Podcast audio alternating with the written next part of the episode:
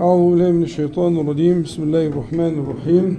الحمد لله رب العالمين. اللهم صل على محمد أنزل المقعد المقرب منك يوم القيامة. أما بعد فاليوم هو اليوم الأخير من شهر جمادى الآخرة من سنة أربعين وأربعمائة وألف من هجرة النبي صلى الله عليه وسلم. وغدا إن شاء الله تعالى يبدأ شهر رجب رجب الفرد. إن شاء الله غدا أول أيام رجب.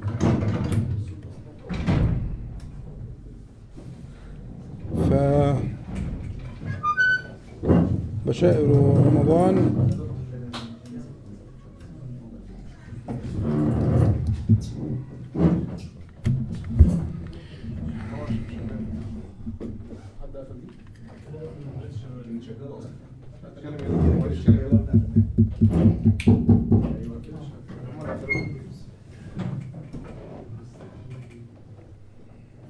الليلة إن شاء الله.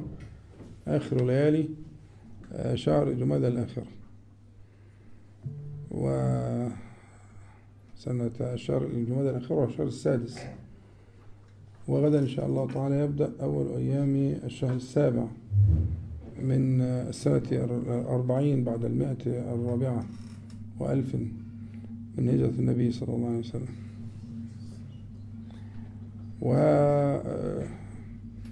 وروائح وبشائر رمضان تأتي مع هذا الشهر الطيب المبارك رجب الفرد وهو شهر حرام.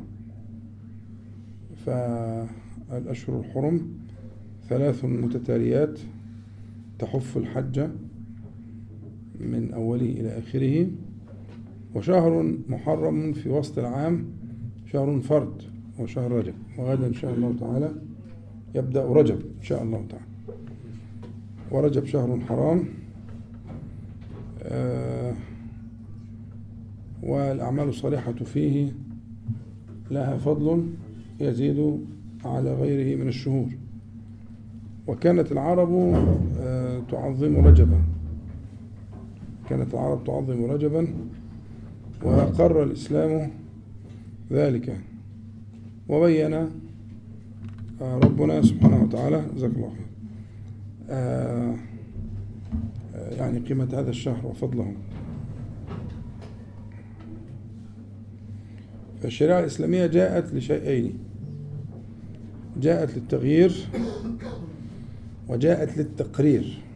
مسألة مهمة لطلبة العلوم الشرعية ولطلبة الفقه. أن يعلموا أن الشريعة الإسلامية الأحكام الشريعة معناها الأحكام. الدين شريعة وحقيقة أو إيمان. فالإيمان مشترك بين جميع الرسل والأنبياء صلوات الله وسلامه عليهم أجمعين. الإيمان ثابت مشترك بينهم جميعا. لا فرق. لا فرق بين نبي وآخر ولا رسول وآخر. صلوات الله وسلامه عليهم أجمعين فيما يتعلق بالإيمان بالإيمان وأركان الإيمان. بالضبط. تماما سواء بسواء. لكن آه الذي يتغير من نبي إلى نبي ومن رسول إلى رسول هو الشرع الشريعة. الشريعة متغيرة. وشريعة الإسلام هي أتم الشرائع وأكملها لأنها شريعة حاكمة باقية إلى آخر الزمان. فأودع الله عز وجل في تلك الشريعة ما لم يودعه جل جلاله وتباركت أسماؤه وتعالى ذكره ما لم يودعه في غيرها من الشرائع. شريعة تحكم الزمان والمكان والأعيان إلى آخر الزمان. وهذا من من من الإعجاز. أن يكون الثابت حاكما على المتغير ويقوم بمصلحته بل ويصلحه. فالشريعة الثابتة التي جاء بها النبي صلى الله عليه وسلم هي شريعة حاكمة تصلح الزمان والمكان والأعيان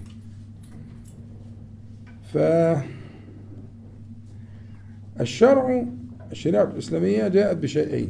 هذا الذي قلته حد فاكر أنا قلت إيه؟ جاءت بالإيه؟ بالتغيير وبالتقرير غيرت ما كان مخالفا وأقرت ما كان موافقا ما كان باقيا من آه، ملة إبراهيم عليه السلام عند العرب.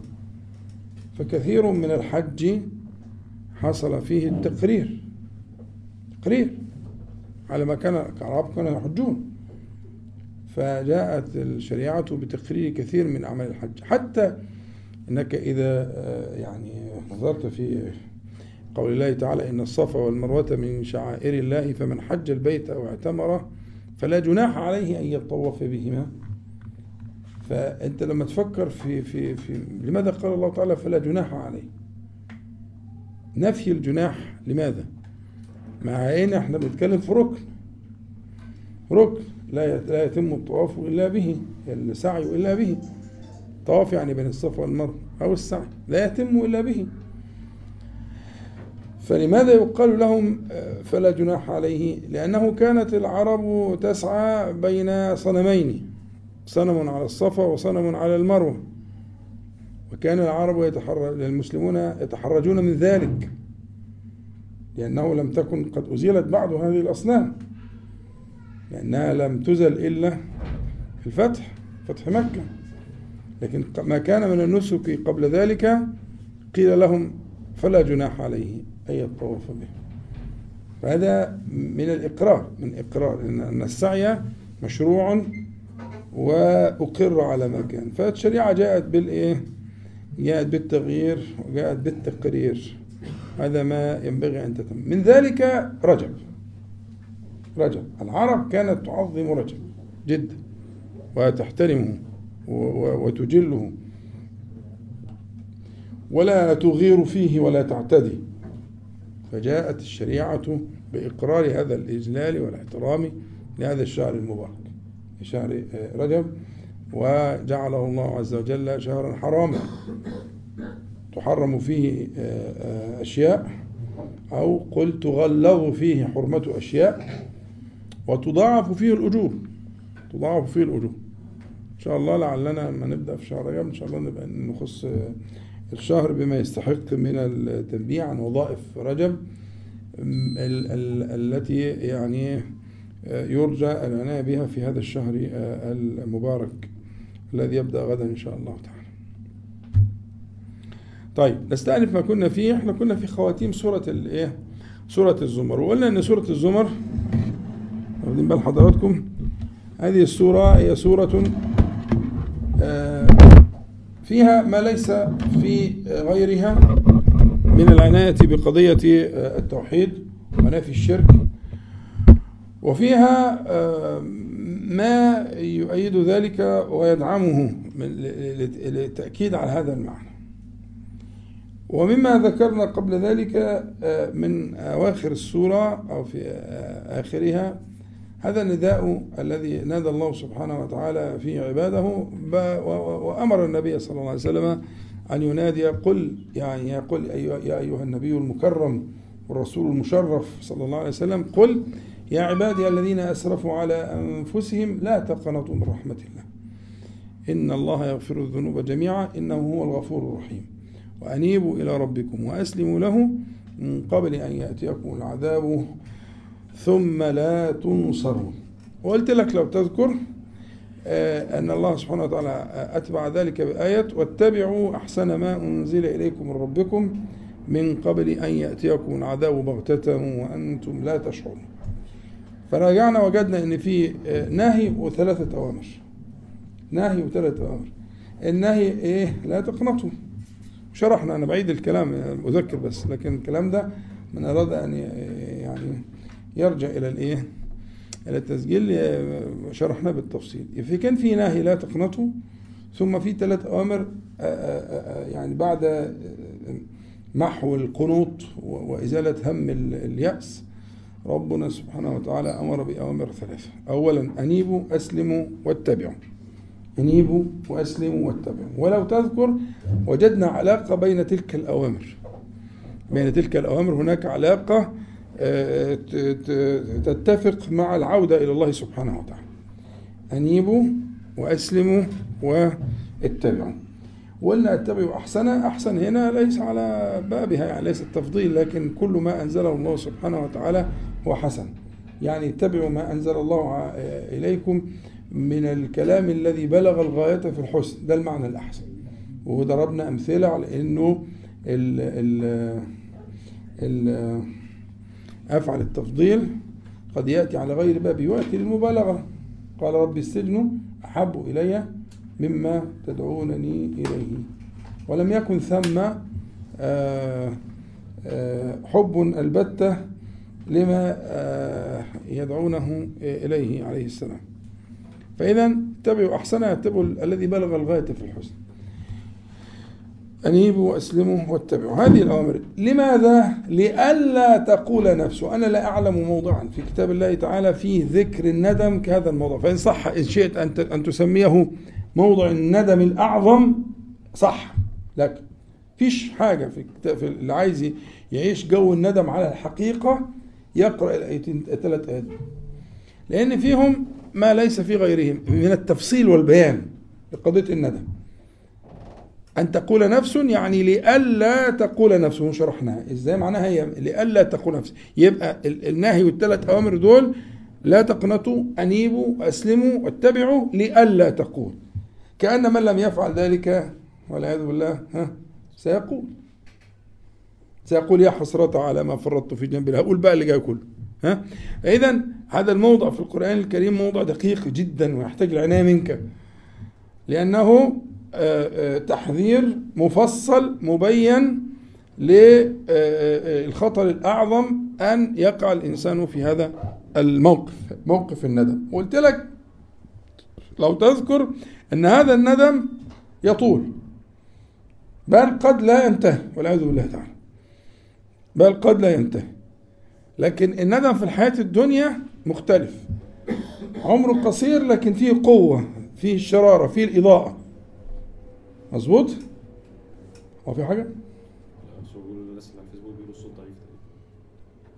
طب ما فيش آه، حد معاه سماعة يا إخوانا هيدفون أنا أظن معايا مش عارف هنا ولا لا مش هنا. طب أهي أهي. صلوا على النبي عليه الصلاة والسلام.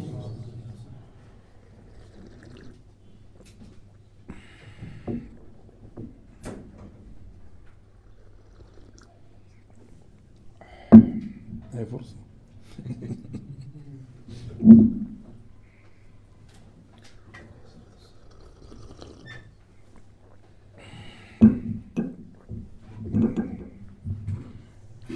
ابشر ابشر تمام. أيوه كمان سنة صغيرة كده. بس تمام. صلوا على النبي صلى الله عليه وسلم. النبي عليه الصلاة والسلام أخوانا بيقول الندم توبة. زي الحج عرفة كده. والدين النصيحة. الندم توبة. فمن لم يندم لا يتوب. من لم يندم لكن قلت لك إن الفرق بين الندم الذي يكون في هذه الحياة الدنيا وبين الندم الحسرة البالغة الذي موصوف هو موصوف في هذه الآيات الكريمات فرق كبير. الندم في الدنيا طاقة قوية جدا سماه النبي صلى الله عليه وسلم التوبة لكنه لا يدوم. يجب عليك أن تستثمره. لما تيجي لحظة الندم عليك باستثمارها كما شرحنا قبل ذلك. تستثمره بالإقلاع والعزم على عدم العودة. بالإقلاع بالصحبة الصالحة. أهم حاجة في الإقلاع الصحبة الصالحة. اذهب إلى أرض كذا وكذا فإن بها أناسا يعبدون الله فاعبد الله معهم ولا تعد إلى أرضك فإنها أرض سوء. صحبة الصالحة. والإقلاع والعزم على عدم العودة يعني معناه سد الذريعة. تتعلم سد الذرائع من أين تؤتى؟ فربما يحرم الشارع شيئا ليس لحرمته ولكن يحرمه الشارع لما يترتب عليه. وتلاقي المحرم ده مثلا حاجة من الكبائر حاجة من الحاجات الشديدة جدا. الخلوة بالأجنبية الدخول على المغيبات السفر بغير محرم. غض البصر. كل هذه الأشياء ليست محرمة في ذاتها. هي في ذاتها ما فيهاش حرمة. لكن ليه الشرع شدد في تحريمها؟ مس المرأة التي لا تحل له. ليه مس المرأة محرم هذا التحريم الشديد؟ عشان إيه؟ عشان مش لذاته. لكن لما يترتب عليه؟ سدا للذريعة. اتفقنا؟ ففي الحياة الدنيا لما تيجي لحظة الندم دي لحظة آه، آه، فارقة في حياة الإنسان. لابد أن تستثمرها. تعمل إيه؟ تستثمر هذه اللحظة في الإقلاع والعزم على عدم العودة. الإقلاع قلنا الصحبة الصالحة. والعزم على عدم العودة سد الذريعة أنا لا أمل من تكرار هذا الكلام. ولا أعلم كلاما أهم وأخطر منه لعموم المسلمين وخصوص المتدينين. عموم المسلمين وخصوص المتدينين. لا لا أعلم كلاما أهم من ذلك. هو وظيفة الليل والنهار. مش كلامي أنا ولا اختياري ده اختيار النبي عليه الصلاة والسلام. توبوا إلى الله تعالى واستغفروه فإني أتوب إلى الله في اليوم أكثر من سبعين مرة. وفي رواية وفي أكثر مئة مرة. وما أصبحت غداة قط إلا واستغفرت الله تعالى فيها مئة مرة. كل بيستغفر. بيعلمنا النبي عليه الصلاة والسلام وقد غفر له ما تقدم من ذنبه وما تأخر. بيعلمنا لو أنت عشان نتعلم. الاستغفار والتوبة المتجددة بالنسبة لك كالماء والهواء. كالماء وهذا بلا أي مبالغة. فمن لا يحسن تلك الصنعة فهو الذي يعوزه الماء والهواء. مخنوق. الذي لا يتقن صنعة التوبة ويعرف أركانها ويعرف مداخل النفس البشرية ويتعلم ويسأل ويقول طب دلني طيب فين سد ذراعة في المصيبة اللي أنا فيها دي باستمرار يبحث ويسأل ويستفتي لعله أن يضع يده ها الذي لا يصنع ذلك لا يتوب ولا يستثمر تلك اللحظة الفارقة اللي هي بنسميها الإيه؟ ها؟ الندم. الندم بقى الموصوف هنا موصوف للتحذير أن تقول نفسه. يعني افعلوا ذلك افعلوا هذه الأشياء لا تقنطوا أنيبوا أسلموا أتبعوا هذه الأربعة ها؟ لئلا تقول نفس. نفس أي نفس؟ كل نفس. يا حسرة على ما فرطت في الله في جنب الله. قلنا يا حسرة دي حتى في العامية الواحد ينادي على شيء كأنه حضر. كأنه نادى على الحسرة فحضرت. نادى على الندامة فحضر. نادى على الدهية السوداء نادى على البلوى نادى على الإيه؟ هو النداء. كأنه ناداه فحضر. يا حسرة على ما فرطت في جنب الله وإن كنت لمن الساخرين. هنا بقى تنبيهات على الطرائق التي كان يذهب فيها الناس كل مذهب ويسقطوا في هذه الحمأة. وإن كنت لمن الساخرين. هنا تنبيه مهم إن الحصر هنا حصر تفريط الساخر لا تفريط الغافل. تفريط الغافل قريب. تفريط الغافل يكفيه التنبيه. تفريط الغافل يكفيه التنبيه زي مجلس اللي إحنا فيه ده. نتواصل فنقوم نروح حالنا أحسن. نعود إلى الله تعالى. ده تفريط الإيه؟ الغافل. لكن هنا النص في الآية على يبقى إيه اللي هو اللي هو ندم الآخرة الذي لا لا مخرج منه ولا منجى منه. ده تنفيذ تفريط بنص القرآن. إن كنت لمن الساخرين. ده تفريط الساخرين. مظبوط؟ آه، أو تقول لو أن الله هداني لكنت من المتقين. أو تقول حين ترى العذاب لو أن لي كرة فأكون من المحسنين. فهم ثلاث مقالات حكاهم الله سبحانه وتعالى ورد عليهم هؤلاء هم أهل النار الكفار. يعني هذا الكلام كلام الكفار. وذكره للتحذير من الوقوع فيه. يعني المعاصي يا إخوانا بريد الكفر. يعني لما يجي ربنا سبحانه وتعالى يفصل في أحوال المنافقين مثلا. لو انت جمعت الآيات اللي, اللي بتشرح أحوال المنافقين في في القرآن الكريم هتلاقيها كتير ومفصلة أو أحوال الكفار والمشركين هتلاقيها كتير ومفصلة لماذا؟ لماذا يحكي الله سبحانه وتعالى لنا هذه التفاصيل؟ لأن هذه الأشياء إذا تجمعت وتراكمت ربما أودت بصاحبها يعني لا تستهن بشيء ذكره الله سبحانه وتعالى هو للإيه؟ هو للكفار أو للمنافقين لا تستهن بذلك لأنه لو تجمع وتراكم كما يقولون المعاصي بريد الكفر. توصله نعم وكذلك النفاق. أربع من كنا فيه يعني أربع خصال يعني من كنا فيه كان منافقا خالصا. ومن كانت فيه خصلة منهن كانت فيه خصلة من النفاق حتى يدعه إلى آخر الكلام المهم دلوقتي إحنا آه، آه، بلى قد جاءتك آياتي فكذبت بها. اللي هي لو أن الله هداني. هنا في رد يعني الثلاث الثلاث حجج اللي فاتوا الرد عليهم جاي. يبقى بلى قد جاءتك آياتي فكذبت بها دي مقابل لو أن الله هداني. تمام؟ فكذبت بها واستكبرت واستكبرت دي آه, آه.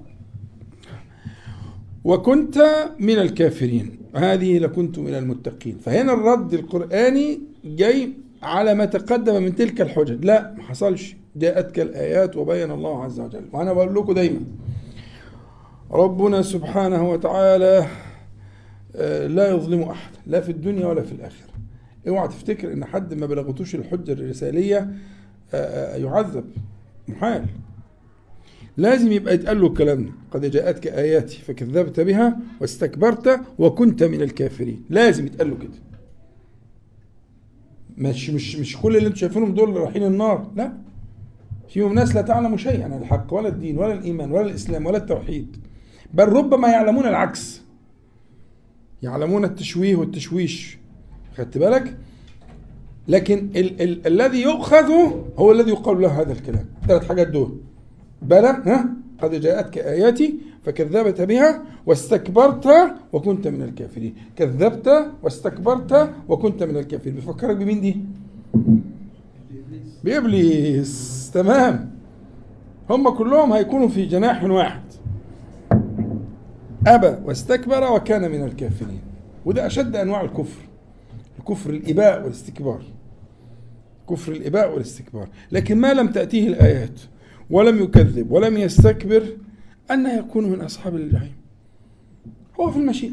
حكمه في المشيئة. الله أعلم يعلم لكن ما نقطعش ما نقولش. خلينا عندنا رحمة عشان ربنا يرحمنا. الراحمون يرحمهم الرحمن. ارحموا من في الأرض. لم يقل ارحموا المؤمنين ولا المسلمين. ارحموا من في الأرض. يرحمكم من في السماء. وأرحم الراحمين سبحانه وتعالى. إياكم أن يعني تقعوا في هذا المنزلق. ولكن كونوا رحمة للناس كما كان النبي صلى الله عليه وسلم وامتن الله عز وجل عليه وما أرسلناك إلا رحمة للعالمين وما وإلا ده أسلوب قصر. يعني كأنه كله على بعضه كده رحمة النبي عليه الصلاة والسلام. كل ما جاء به كل أحواله وأقواله وأفعاله وهداياته إنما رحمة وقال للعالمين للإنس والجن. للإنس والجن. يعني حنانيكم الله يستركم. ما بحبش الإيه الإخوة يعني تاخدهم الحمية كده ويسخنوا. عايزين الغالب على على على على قلوب المتدينين يكون الرحمة والشفقة على خلق الله حتى ولو كانوا من الكافرين. طالما ليسوا من المحاربين. طالما ليسوا من المحاربين. طيب. ختمت الآيات المرة اللي فاتت ويوم القيامة ترى الذين كذبوا على الله وجوههم مسودة. وهذا السواد يعني سواد خاص. لأنه مش السواد اللي موجود في الحياة الدنيا. لأن في الدنيا في أصفر وأحمر وأسود وأبيض وإلى آخره. لكن السواد الذي آه، يكون في الآخرة هو تقسيم الناس كما في سورة الأعمار يوم تبيض وجوههم وتسود وجوههم هنا البياض والسواد ده بياض فارق وسواد فارق من ليس له علاقة بسواد الدنيا. يعني في ناس آه، أبشارها سوداء في الدنيا وهم من خيار خيار الناس.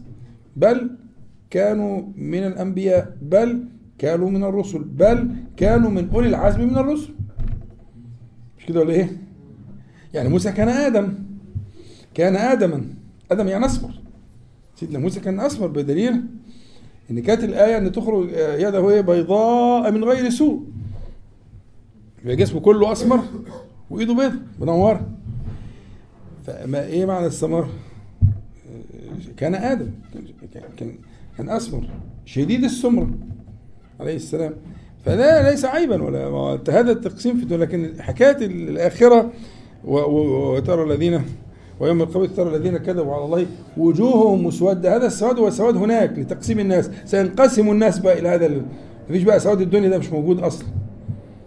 اللي هو البشرة السمراء والصفراء والحمراء وال ها؟ مفيش كلام من ده. لماذا؟ للتمييز ليميز الله سبحانه وتعالى آه، هؤلاء من هؤلاء وقضية التميز دي أنا تذكر اتفقنا أنها قضية مفصلية وإن شاء الله نقعد شوية كده في الإيه في مشهد القيامة ده حابة كده نقعد كل مرة ناخد حاجة ناخذ آه، آه، ما يلزمنا لإحياء قلوبنا لأني قلت لك إن مشهد القيامة من من الإيمان لأنها من الغيب مش كده؟ من الغيب ولكن الشريعة جاءت بعناية خاصة بهذا الغيب. يعني الغيب كله كوم وغيب القيامة كوم صح؟ ذلك الكتاب ولا ريب فيه هدى للمتقين. الذين يؤمنون بالغيب. الغيب. الغيب يشمل كل الإيمان. لأن الإيمان الست أركان الستة أركان الإيمان الستة ها؟ مغيبة. في ركن فيها مش مغيب؟ بالله وملائكته وكتبه ورسله واليوم الآخر والقدر خيره وشره. كلها أمور مغيبة. تستدل عليها بالدلائل. تمام؟ فالإيمان كله غيب. يبقى يؤمنون بالغيب.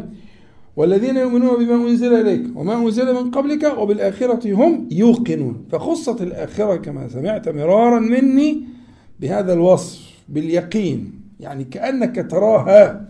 ده اسمه اليقين معناها كده كأنك تراها. يبقى إذا ينبغي أن يكون في التدريس وفي التعليم وفي الوعظ يكون في عناية بتلك المشاهد التي ستكون في الآخرة وقلت لك في الحديث كتير تجد من كان يؤمن بالله واليوم الآخر فليصل رحم فليكرم ضيفه فإلى آخره مش كده؟ ليه؟ طب فين بقية أركان الإيمان الست؟ من كان يؤمن بالله واليوم الآخر لماذا لم يقل بالملائكة والرسل والنبيين والكتب ما قالش كده كتير النبي صلى الله عليه وسلم يقول كده آه ذكر الآخرة ده أخوانا هو معيار الاتزان في هذه الحياة الدنيا. الذي لا يؤمن بالآخرة يتحول إلى غول إلى وحش. إحنا ما بيردش الغول اللي جوانا غير إيماننا بالآخرة. الوحش اللي جوانا ما بيردوش غير إيماننا بالآخرة. ما بيسكناش ولا صبرنا على البلاء غير الإيمان بالآخرة. نذكر الآخرة فنرد ردا جميلا. نرد ردا جميلا. فلذلك مشاهد الآخرة مشاهد مهمة إن شاء الله مش هن يعني مش هنتركها آه، إلا ما نطوف بها. طيب وينجي الله الذين اتقوا من مفازتهم لا يمسهم السوء ولا هم يحزنون. إيه آخر الصورة بقى اللي هي السبب اللي إحنا يعني انطلقنا إليه من من كلام عن سورة الزمر؟ وكان صلى الله عليه وسلم يقرأ الزمر وبني إسرائيل آه، كل ليلة. قبل آه، أن ينام يقرأ الزمر وبني إسرائيل. وقلت لك إن الزمر هي سورة نفي الشرك والتوحيد وسورة بني إسرائيل هذا اجتهاد يعني. هي سورة يعني إيه العنوان الذي وضعته أنا؟ اجتهاد مني يعني. آه القرآن الكريم. صح. صحيح. وسأثبت لك ذلك إن شاء الله تعالى. سورة سورة بني إسرائيل الإسراء هي سورة القرآن. وقلت لك أني أحصيت لفظ القرآن في, في القرآن كله فالصور الطوال تيجي مع مرة مرتين ثلاث مرات بالكثير سورة أو تيجي في ثلاث مرات. لكن في سورة الإسراء جاء لفظ القرآن الكريم إحدى عشرة مرة. نسبة كاسحة. إحدى عشر عشر مرات بلفظ القرآن ومرة بلفظ قرآنا. إحدى عشر مرة.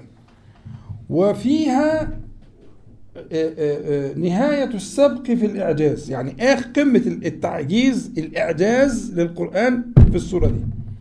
لأن الإعجاز جه بسورة وجه بعشر سور وجه بمثل القرآن. في صور كتير. لكن في السورة دي جه تعجيز قل لئن اجتمعت الإنس والجن على أن يأتوا بمثل هذا القرآن لا يأتون بمثله. ولو كان بعضهم لبعض ظهيرا. فيش أعلى من كده. دي آخر رت... آخر رتب ال... ال... ال... الإعجاز. إعجاز القرآن. فإن قلت لك إنها سورة القرآن فلا تعجل علي وسأثبت لك إن شاء الله تعالى إنها سورة القرآن. ده مبدئيا يعني حاجة كده إيه آه تشوقك إلى هذه المسألة. لكن السورة اللي معانا هي سورة الإيه؟ سورة التوحيد ونفي الشرك كما آه سمعت مرارا مني. مش عارف بقى إحنا كده يعني ممكن نبدأ في خواتيم الصورة وإن كان الموضوع ممكن ياخد وقت شوية بس ناخد ما تيسر. إحنا دلوقتي. نص. طيب. هي إحنا يعني المقطع الأخير في السورة اللي هو بيذهب بنا إلى هذا المذهب الذي نريد هي من أول قوله تعالى وما قدر الله حق قدره. طبعا هو الجماعة دي تعود على مين؟ الكفار والمشركين الذين أشركوا مع الله غيره أو الذين كفروا به سبحانه وتعالى أو الذين ألحدوا في أسمائه وصفاته. وما قدروا الله حق قدره. والأرض جميعا قبضته يوم القيامة. القبضة هنا خبر. القبضة دي مصدر. اللي بيحضر معانا يوم الاثنين مصدر. وده مصدر اسم مرة يعني إيه؟ يعني يحصل مرة واحدة يعني يعني زي الإيه؟ حصول الفعل مرة واحدة. والأرض جميعا قبضته يعني يقبضها قبضة واحدة مرة واحدة لا يفلت منها شيء دي معنى القبضة المرة. وده خبر خبر عن الأرض خبر بالمصدر. ففيه المبالغة هي معناها الأرض يقبضها معناها كده. لكن بدل ما يقال يقبضها قال الله عز وجل قبضته. فأخبر سبحانه وتعالى عن الأرض بأنها هي قبضة يعني في قبضته جل جلاله. طبعا مجموعة الآيات اللي جاية دي كلها هتدخلنا في متاهة؟ أنا لا أحب أن أدخل فيها اللي هي مسألة التأويل. التأويل. ولا أنصحكم بالقراءة في الأشياء دي ولا النظر فيها. ولكن أمروها كما جاءت كما كان يقول الصحابة رضي الله عنهم. يعني مطويات بيمينه. ما ما ما يعني كيف هي يمين الرحمن؟ سؤال الكيف ده لا يليق بالله تعالى. إذا كنت هتسأل كيف يبقى أنت محيط بالذات. كيف تسأل عن الكيف؟ ليس لك أن تسأل عن الكيف. لا تقل كيف اليمين ولا تقل كيف القبضة. لا تسأل لأنها فوق طاقتك فوق طاقتك. ف ف ف ف فالسؤال عن الكيف بدعوه. الإيمان به واجب. الإيمان بما جاء على ظاهره أمروه كما جاء من غير دخول في قضايا التأويل وأنصحكم ألا تقرأوا في هذه الأشياء. هذه الأشياء لا يقرأ فيها إلا المتخصصون. الناس المتخصصة اللي هم بيدرسوا في علوم التوحيد والإيمان و... وإلى آخره هم الذين يقرؤون في ذلك. لكن عموم المتدينين أنصحكم بخبرة العمر كله. ألا تقرأوا في ذلك البتة أمروها على ما جاءت من غير كيف. كيف كيف كيف تكون تكون على الوجه اللائق به فقط. وأنا لا لا لا أحصي هذا الوجه ولا أدري. لا أدري ما قبضته ولا ما يمينه سبحانه وتعالى. وما فيش بعد كده. ودي طريقة الصحابة رضي الله عنهم وكانوا أفصح الناس وأفقه الناس وأكمل الناس رضي الله عنهم ولكنهم كانوا كذلك. فإذا سألت فلا تسأل فلا تسأل عن قبضته وعن يمينه. لكن المعنى مفهوم بس بلا كيف. المعنى مفهوم بس بلا كيف. يبقى وما قدر الله حق قدره والأرض والحال. والحال أن الأرض ده معناها كده. والأرض جميعا قبضته يعني في قبضته يقبضها من أقصاها إلى أقصاها يوم القيامة. طب والسماوات؟ مطويات. يوم نطوي السماء كطي السجل للكتب. مظبوط؟ يبقى السماء مطويات يطويها ربنا سبحانه وتعالى. بيمينه نفس القاعدة نفس اللي قلناه في قبضته سبحانه وتعالى نقول في يمينه. والسماء مطويات والسماوات مطويات بيمينه سبحانه وتعالى عما يشركون. وجاي التسبيح هنا عشان المعنى اللي بقول لك عليه. لنفي ما قد يرد على قلبك. فكل ما جاء على قلبك فالله خير منه. والله خلافه. جاء التسبيح معنى كده. مش فاكرين لما كنا اتكلمنا عن التسبيح وقلنا فائدة التسبيح تسبيح تنزيه إبعاد في التنزيه إبعاد. مبالغة في التنزيه جميل. ليه؟ لأن الله تعالى كل ما يرد على عقلك وقلبك فالله خير منه. كل ما في اللي, في اللي بيتقال ده اللي هو السماء مطية بيمينه في قبضته فكل ما يأتي على قلبك في معنى قبضته وفي معنى يمينه فالله تعالى خير منه. وأكمل وأتم وأجمل. على ما يليق بجلال الله تعالى. جاء عشان كده هنا التسبيح. سبحانه وتعالى. تعالى ذكره جل جلاله. ها؟ تمام؟ عما يشركون. ونفخ في الصور فصعق إحنا في نفختين أنتوا عارفينهم. إن شاء الله ممكن نبقى نتوسع في ذكر الوقت مش نفخ في الصور فصعق من في السماوات ومن في الأرض. دي النفخة الأولى. هما نفختين. النفخة الأولى يصعق كل المكلفين. هو في خلاف على الاستثناء اللي هو في قوله تعالى إلا من من من شاء الله. في خلاف. لكن لا يعنيك هذا الخلاف. خلاف يعني لا يعنيك. من هم الذين لا يصعقون؟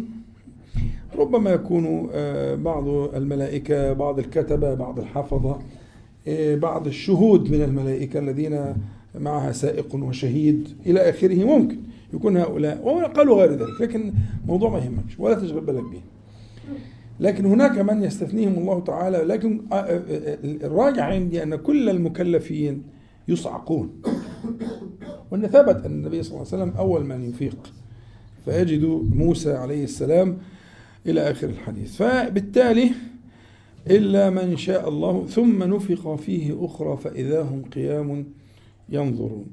هنا بقى مسألة القيام اللي هو اليوم تسمى القيامة لقيام الناس لأن الناس يقومون يقومون من وإحنا قلنا إن عندنا مشهدين مشهد الخروج من الأجداث من القبور وربنا وصفه بأوصاف متعددة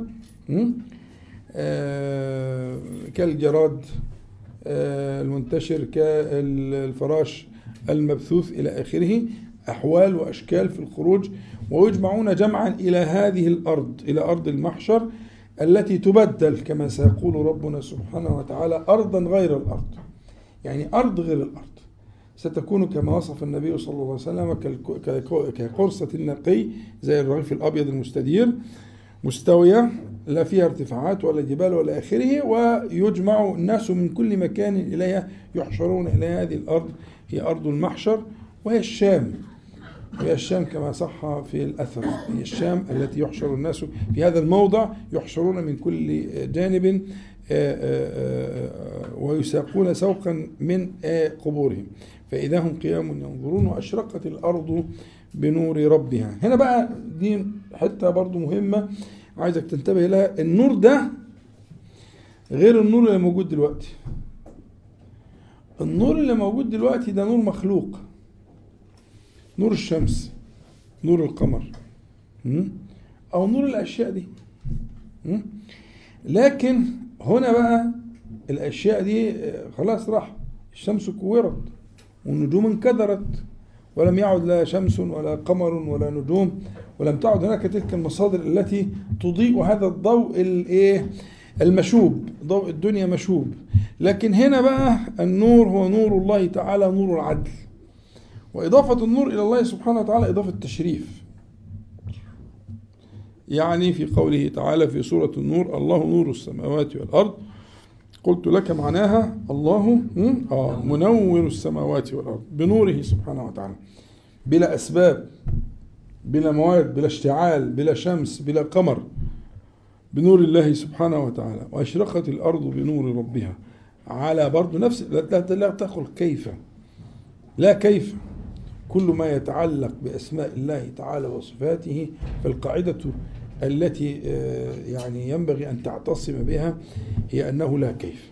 بنور ربها ووضع الكتاب. والكتاب في احتمالات كتير لكن ربما يكون الكتاب هو كتاب الصحائف والأعمال. أحد الأقوال القوية في المعنى. وضع الكتاب وجيء بالنبيين والشهداء. ليه بقى ربنا جمع بين النبيين والشهداء.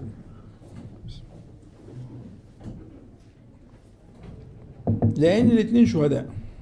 النبيين هم شهداء على أممهم. ونبينا صلى الله عليه وسلم شهيد على الكل. زي الآية في سورة إيه؟ النساء. وجئنا بك على هؤلاء شهيدا. والشهداء مش مقصود بهم الشهداء اللي هم في سبيل الله المقاتلين لا. الشهداء اللي هم الشهود على الخلق. وأغلب الأقوال وأقربها للسياق أنها الملائكة التي وجاءت كل نفس نفس معها سائق وشهيد. يعني الذين شهدوا على الخلق من الملائكة ومن الكتبة فلأن يناسب السياق في وضع الكتاب. يبقى الكتب المدون فيها الأعمال والشهود من الأنبياء والمرسلين والشهود العدول اللي هم الملائكة. خدت بالك؟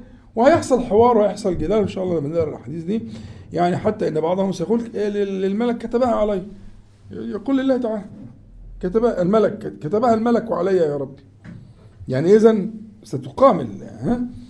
ده سورة فصلت. فيختم على فيه. أما ترضى أن تكون على نفسك شهيدا؟ فيفرح. يفرح. يقول نعم. فيختم على فيه وتستنطق أعضاؤه. فتشهد عليه. هذا الموضع اللي في سورة فصلت فالشاهد أن المقصود بالنبيين والشهداء مش الشهداء اللي هم في سبيل الله لا. دول لسه جايين بعد كده. دول بعد الحساب والميزان. لكن إحنا دلوقتي بنتكلم في الإيه؟ في البعث في الصعق في في النفخ الثاني. فالنفخ الثاني ما فيش فيه لسه ما فيش شهداء ولا في صالحين ولا في أنبياء ولا في كلام من ده. هم جايين يجوا مع الكتب لأن دول هؤلاء كالكتاب. الكتاب. مظبوط؟ زي العقود كده بيبقى عليها شهود. فهم شهود على هذا الكتاب على كتاب كل امرئ. ووضع الكتاب وجيء بالنبيين والشهداء. والكتاب هنا مقصود بالجنس مش كتاب بعينه. مش مقصود بكتاب يعني كتاب آه، الكتاب واحد فرد لا. يعني جنس الكتاب.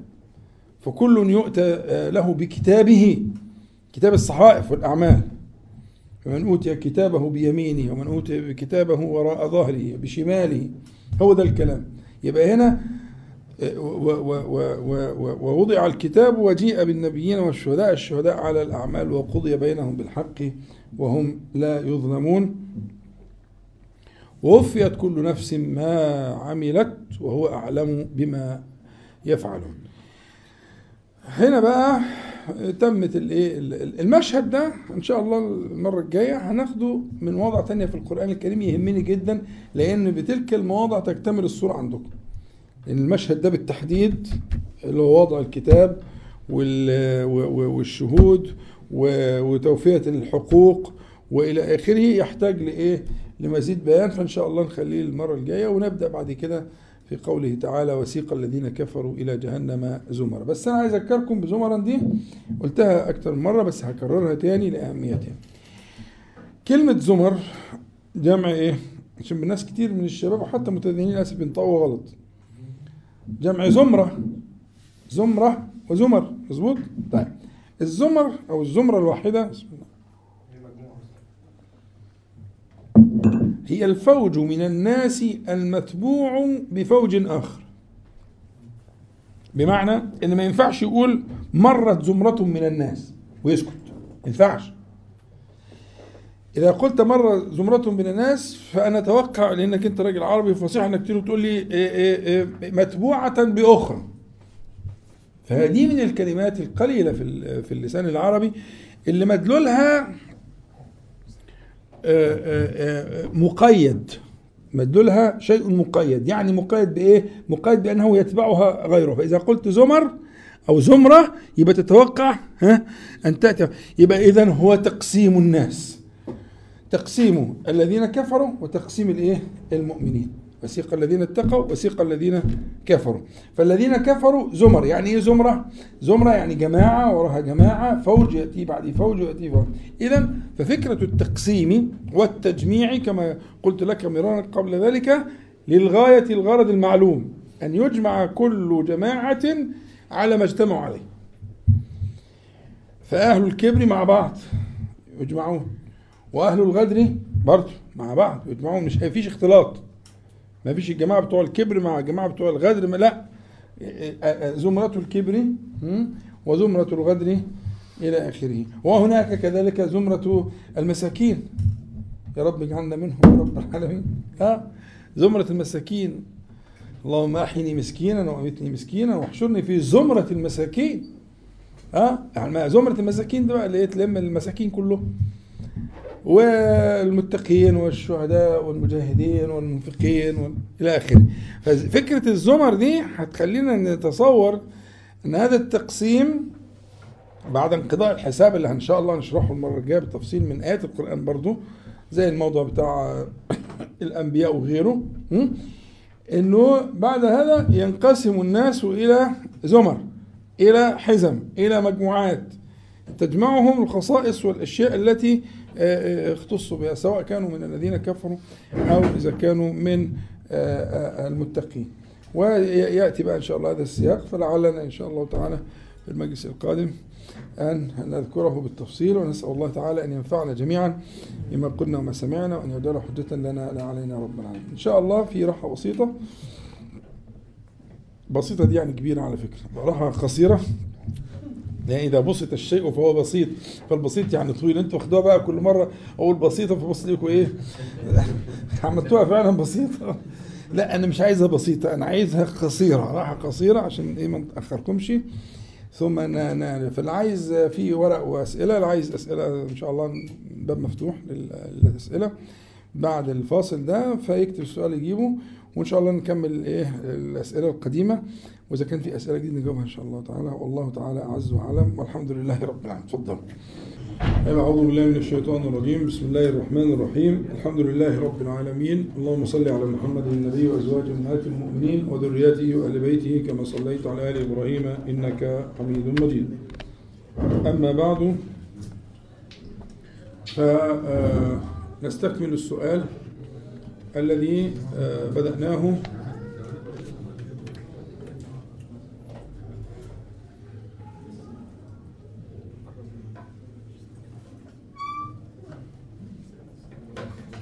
نستكمل السؤال الذي بدأنا الإجابة عنه في آه، كيفية استدامة المودة والرحمة بين الزوجين وتكلمنا كلام لعلكم تذكرونه حتى لا نطيل. ثم بدأنا في باب مهم من أبواب آه، هذا الإصلاح وهو آه، تصحيح المفاهيم. تصحيح المفاهيم. مفاهيم مفهومة خطأ عند عموم الناس وأحيانا عند خصوص الناس. كذلك لا يعلمها إلا آه، قلة قليلة. فكان ينبغي التنبيه التنبيه عليها وشرحها. ذكرنا من ذلك سبعا. ونحن آه، الليلة نستكمل شيئا يسيرا في آه، السابع وهو بر الحموات. وبر الحموات آه، للرجل وللمرأة. ثم إن شاء الله تعالى ننتقل إلى السابع في الترتيب والثامن في الذكر إن شاء الله من تصحيح المفاهيم. تصحيح المفاهيم. فبما يتعلق مما يتعلق بمسألة البر الحموات قلت إن هذا الامر إن البر واجب لم نختلف وإن البر آه، شيء هين. كما قال النبي عليه الصلاة والسلام أن البر آه، هو التقوى. من اتقى؟ وأن البر هو الاسلام كله والإيمان كله والدين كله. فتعريفات البر كثيرة. فالبر بر الرجل بأم زوجته وبر المرأة بأم آه، زوجها وبالآباء كذلك. هذا أمر واجب. بضوابط الشرع ولا شيء في ذلك إن شاء الله تعالى. وقلنا إن المرجع فيما زاد عن ذلك إلى العرف. إيه ما زاد عن ذلك؟ اللي هو ما زاد عن هذه الحقوق العامة حقوق الواجبات العامة حقوق البر العام مثلا ضربنا مثلا بالخدمة. هل الخدمة واجبة؟ الجواب المرجع إلى العرف. فإن كان العرف يوجب الخدمة فالخدمة واجبة. وإن كان العرف لا يوجب الخدمة فالخدمة لا تجد بحال أبدا. أنا المرة اللي فاتت طولت في شرح العرف ارجعوا له. فصلت وضربت أمثلة وتعريفاته عشان ما ارجعلوش. العرف يا إخواني أصل من أصول الشريعة الإسلامية. يعني هل الشريعة كانت محتاجة؟ آه نعم نعم. الشريعة توكل أحكاما كثيرة إلى العرف. توكل أحكاما كثيرة إلى العرف. فيبقى لما السؤال لما تيجي تقول لي هل الخدمة البر واجب؟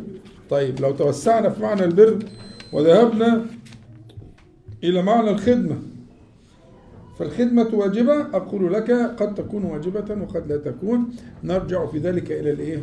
إلى العرف. العرف مختلف ما بين الزوج والزوجة. ممكن يكون حد من المدن وحد من الأقاليم نعم. سؤال لو كان العرف مختلفا لو كان العرف مختلفا. فالجواب العرف في محل الإقامة في, في أين يقيمون؟ يعني يقول لو ريفي ومدنية أو مدنيا وريفيا مثلا. أين اجتمع؟ أين بيت الزوجية؟ هي تزوجت في بيت ريفي. العرف فيه أنها تخدم أم زوجها.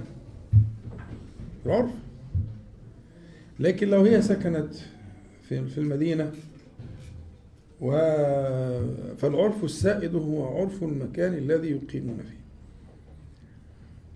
وعدم مراعاة الأشياء دي سببت مشاكل كتير جدا وأهوال. وياما دخلنا في إصلاحات سببها هذه الجزئية. أنه آه، لم آه، يسلم أو تسلم جميع الأطراف لما بيقولوش طرفين بقى. الدنيا بتتسع فبتبقى أطراف كثيرة. لم تسلم الأطراف للإيه؟ للعرف لحكم العرف. العرف والحاكم وسأضرب لكم مثالين. كده هنختم إن شاء الله. كده بختم أضرب لكم مثالين في هذه المسألة. آه عندنا في الحديث المتفق عليه أن فاطمة رضي الله عنها وعليه السلام بنت النبي صلى الله عليه وسلم شكت ما تلقى في يدها من الرحم. يعني يقول حتى في الروايات حتى مجلت يداها. مجلت يعني إيه؟ جمعت الماء اللي إحنا بنسميها بالعامية المصرية البقابيش هي مش متعودة. إن هي تعمل كده. يعني اللي متعود بتتكون طبقات على جلده بتبقى قوية. تيجي تسلم على إيد واحد مثلا محار بتاع محارة تحس إيدك دخلت في إيه؟ في حاجة جميلة حاجة قوية كده حاجة فيها رجولة. إيد محترمة. واخد بالك؟ لكن لو واحد أخصائي كمبيوتر وسلمت عليه تحس إيدك داخلة في إيه؟ كده؟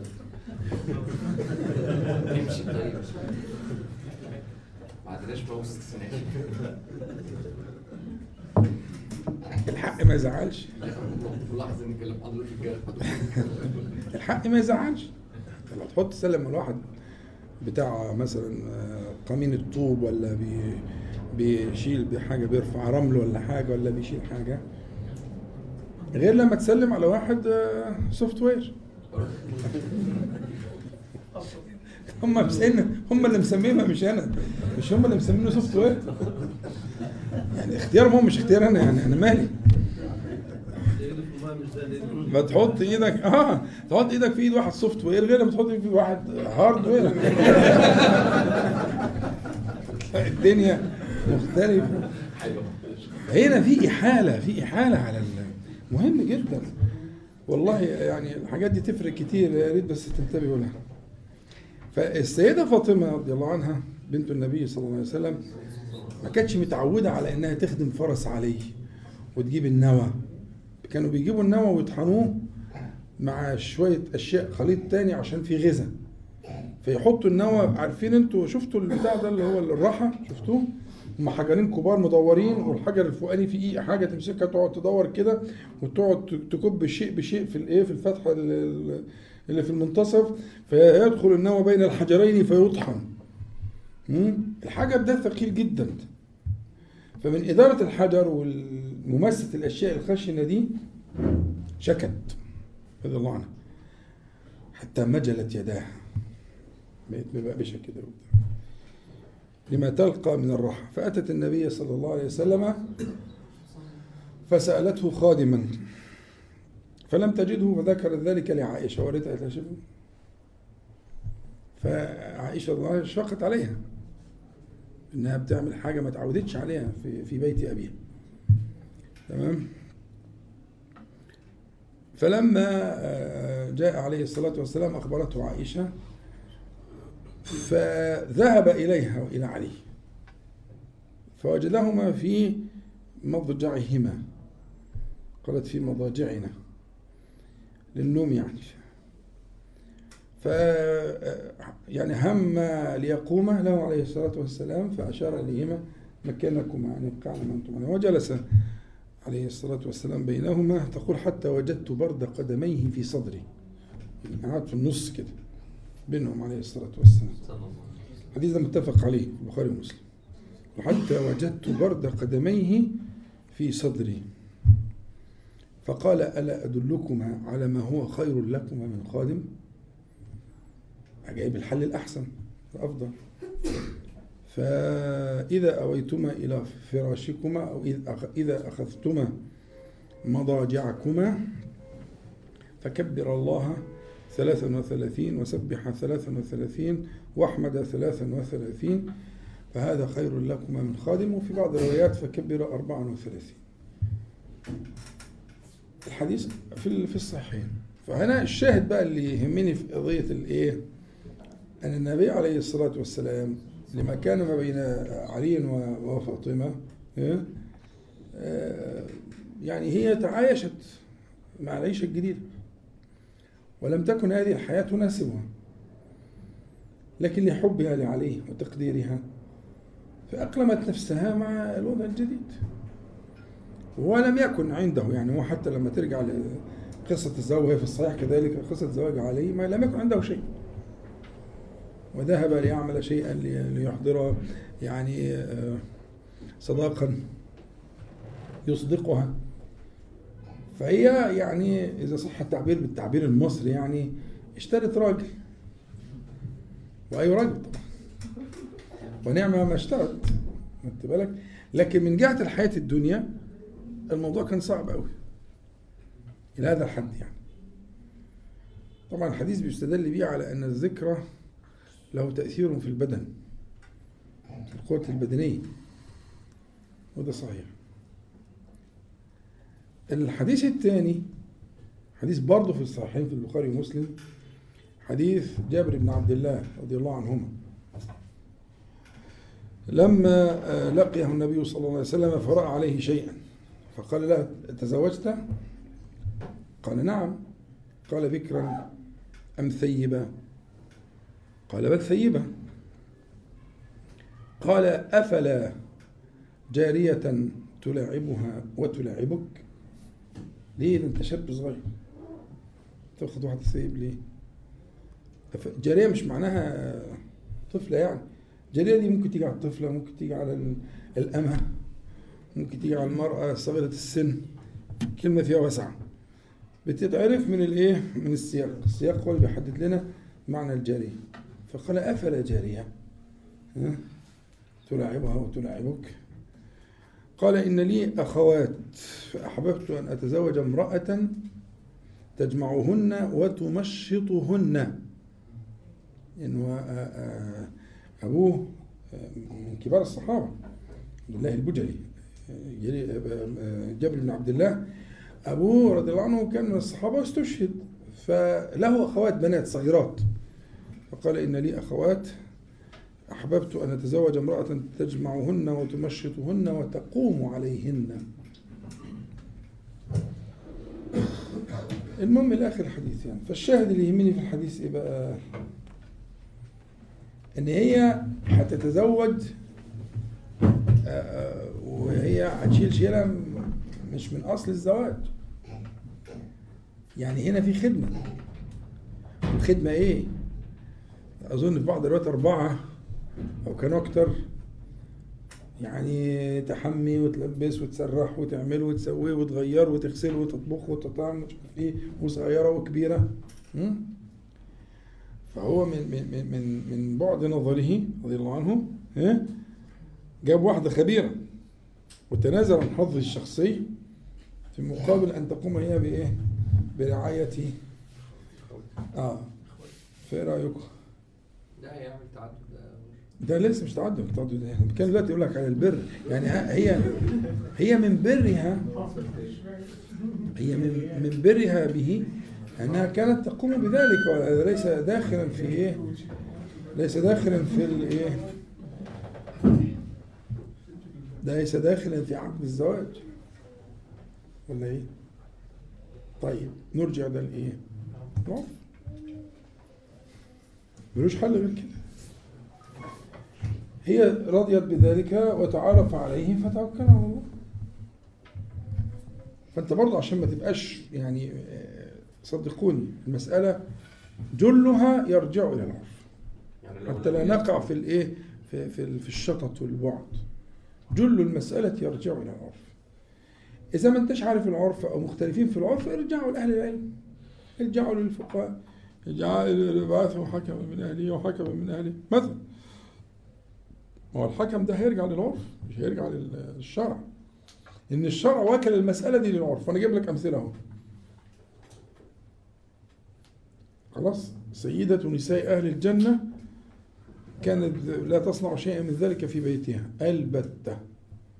في بيت أمها خديجة رضي الله عنها. ما كانت تعمل حاجة من دي أصلا. ولا تطحن ولا تعمل ولا تشيل ولا تسوي ولا حاجة من دي. لكن في بيت علي رضيت بذلك. واختار لها النبي صلى الله عليه وسلم ذلك. تمام فالفكرة إنه آه، آه، آه، العرف هنا هو الحاكم في المسألة. وقصة جابر بن عبد الله ها؟ واضحة زي الشمس. طب لماذا لم يقل له النبي صلى الله عليه وسلم ليس عليها أن تخدم أخواتك؟ مثلا. مش كده؟ وارد هم تعارفوا على ذلك. فإذا تعارف على ذلك فلا بأس لكن ما تاخدش واحدة غدر كده وما بتكونش عارفة أيوه. وبعد كده تقول لها شيلي بقى الأربع بنات دول. اغسلي وسرحي واعملي ونظفي وحمي و و و و لا. لكن ما اتفقناش على كده. فإذا تعارف على شيء فهو البر. أظن كده المسألة ماتت. مظبوط؟ ماتت. مش عايزين نحييها بقى من الفتن والكلام السيء اللي بيحصل في النزاعات في البيوت. مش مكان الكلام ده. الحمد لله الشرع مريح الناس كلها. اتفقنا؟ نبدأ بقى في الإيه؟ في التعدد. صلوا على النبي عليه الصلاة والسلام. هو مسألة التعدد يا اخوانا مشكلتها إنها آه انتهت حتى عند الإيه؟ عند آه، بعض المنسوبين للعلم وللدعوة والمشيخية وكده. ف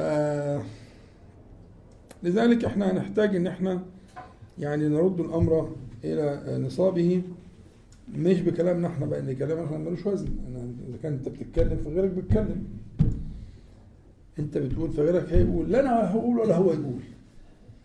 تعالوا نذهب للشريعة ونذهب للقرآن الكريم ونذهب للسنة المطهرة ونشوف الموضوع.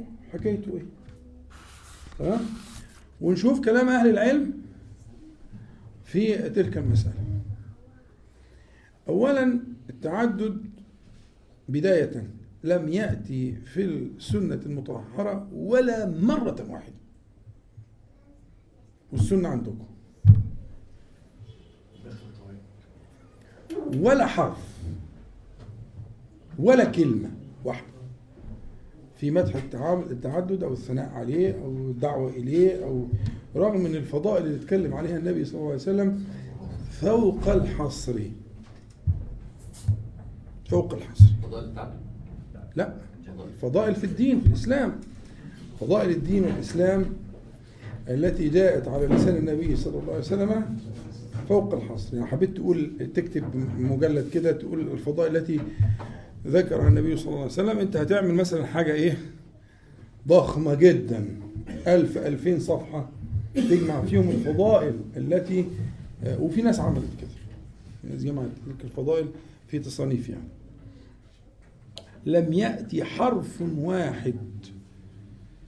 في مئات الألوف من أحاديث النبي صلى الله عليه وسلم عن فضيلة التعدد. البتة. تمام؟ على النبي صلى الله عليه وسلم المسألة الثانية أن التعدد في القرآن ذكر في موضعين. وكلاهما لا يصح البتة أن يكون مستندا لفضيلة التعدد. بل هو تخويف من التعدد. التعدد جاء في الشريعة على قاعدة أنه دواء. على أنه دواء. شوف اللي جاء في الشريعة إما أن يكون كالهواء وإما أن يكون كالماء. وإما أن يكون كالغذاء وإما أن يكون كالدواء. ومفيش خامس. أي حاجة جت في الشريعة الإسلامية إما أن تكون كالهواء اللي هو لو امتنعت عنه لدقائق تموت. فلو امتنع عنه قلبك لدقائق يموت. ومن الشريعة ما هو كالماء. الذي لا تستطيع أن تصبر عليه فوق بضعة أيام. فولو امتنعت عن الماء لبضعة أيام لمات الأبحث ومن الشريعة ما هو كالغذاء. الذي لو منع لبدأ في الضعف والهزال وإلى آخره ثم بعد مثلا بضعة أسابيع يموت. ومن الشريعة ما هو كالدواء. يؤخذ بقدره. ويستدفع به الضر. تمام؟ يعني عشان ده مش درس فمش هوسع. لكن لو حبيتوا نعمله درس نعمله درس. وندي أمثلة على كل قسم من هذه الأقسام. أنا اللي يعنيني في هذه الأقسام الأربعة إيه؟ دواء. الدواء. فالتعدد دواء ومر. بس دواء دواء لحال لحال لحال. فهو دواء ليس هواء وليس ماء وليس غذاء ولكنه دواء. وقد يكون الدواء واجبا لدفع الضر؟ ولكن الدواء يكون بقدره.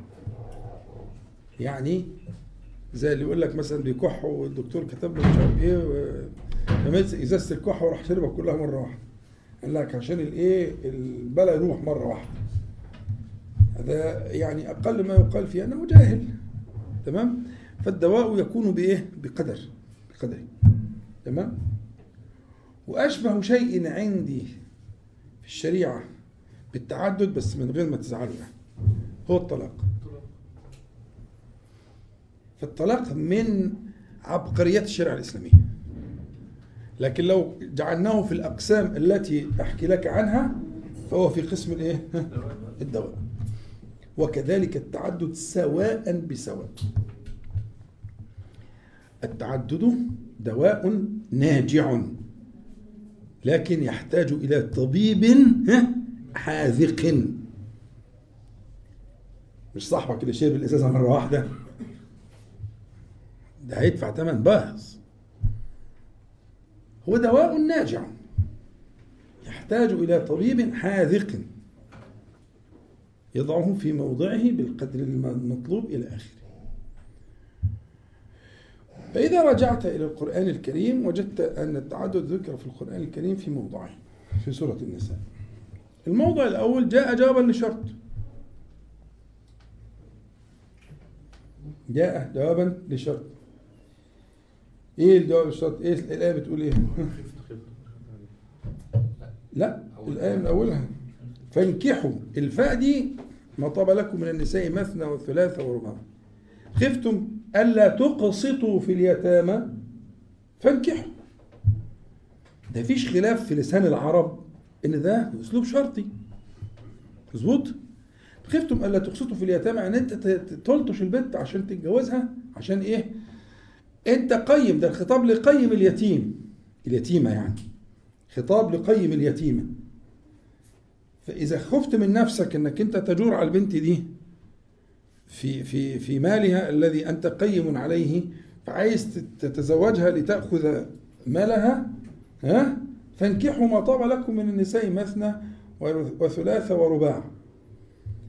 يبقى اذا الإذن بالمثنى والثلاث والرباع. هو جواب شرط. مش عرب هو أنتم مش عرب. جواب شرط. خفتم ألا تقسطوا في اليتامى إن خشيت من نفسك ان أن أصابك الطمع في مالها ها؟ يا أخي البنات كتير. هو معناها كده. ما البنات كتير. إذا كان على الجواز البنات كتير. لكن انت عايز دي عشان مالها؟ انت القيم عليها. تقسطه في اليتامى تعطوا العدل القسط. أنت ها؟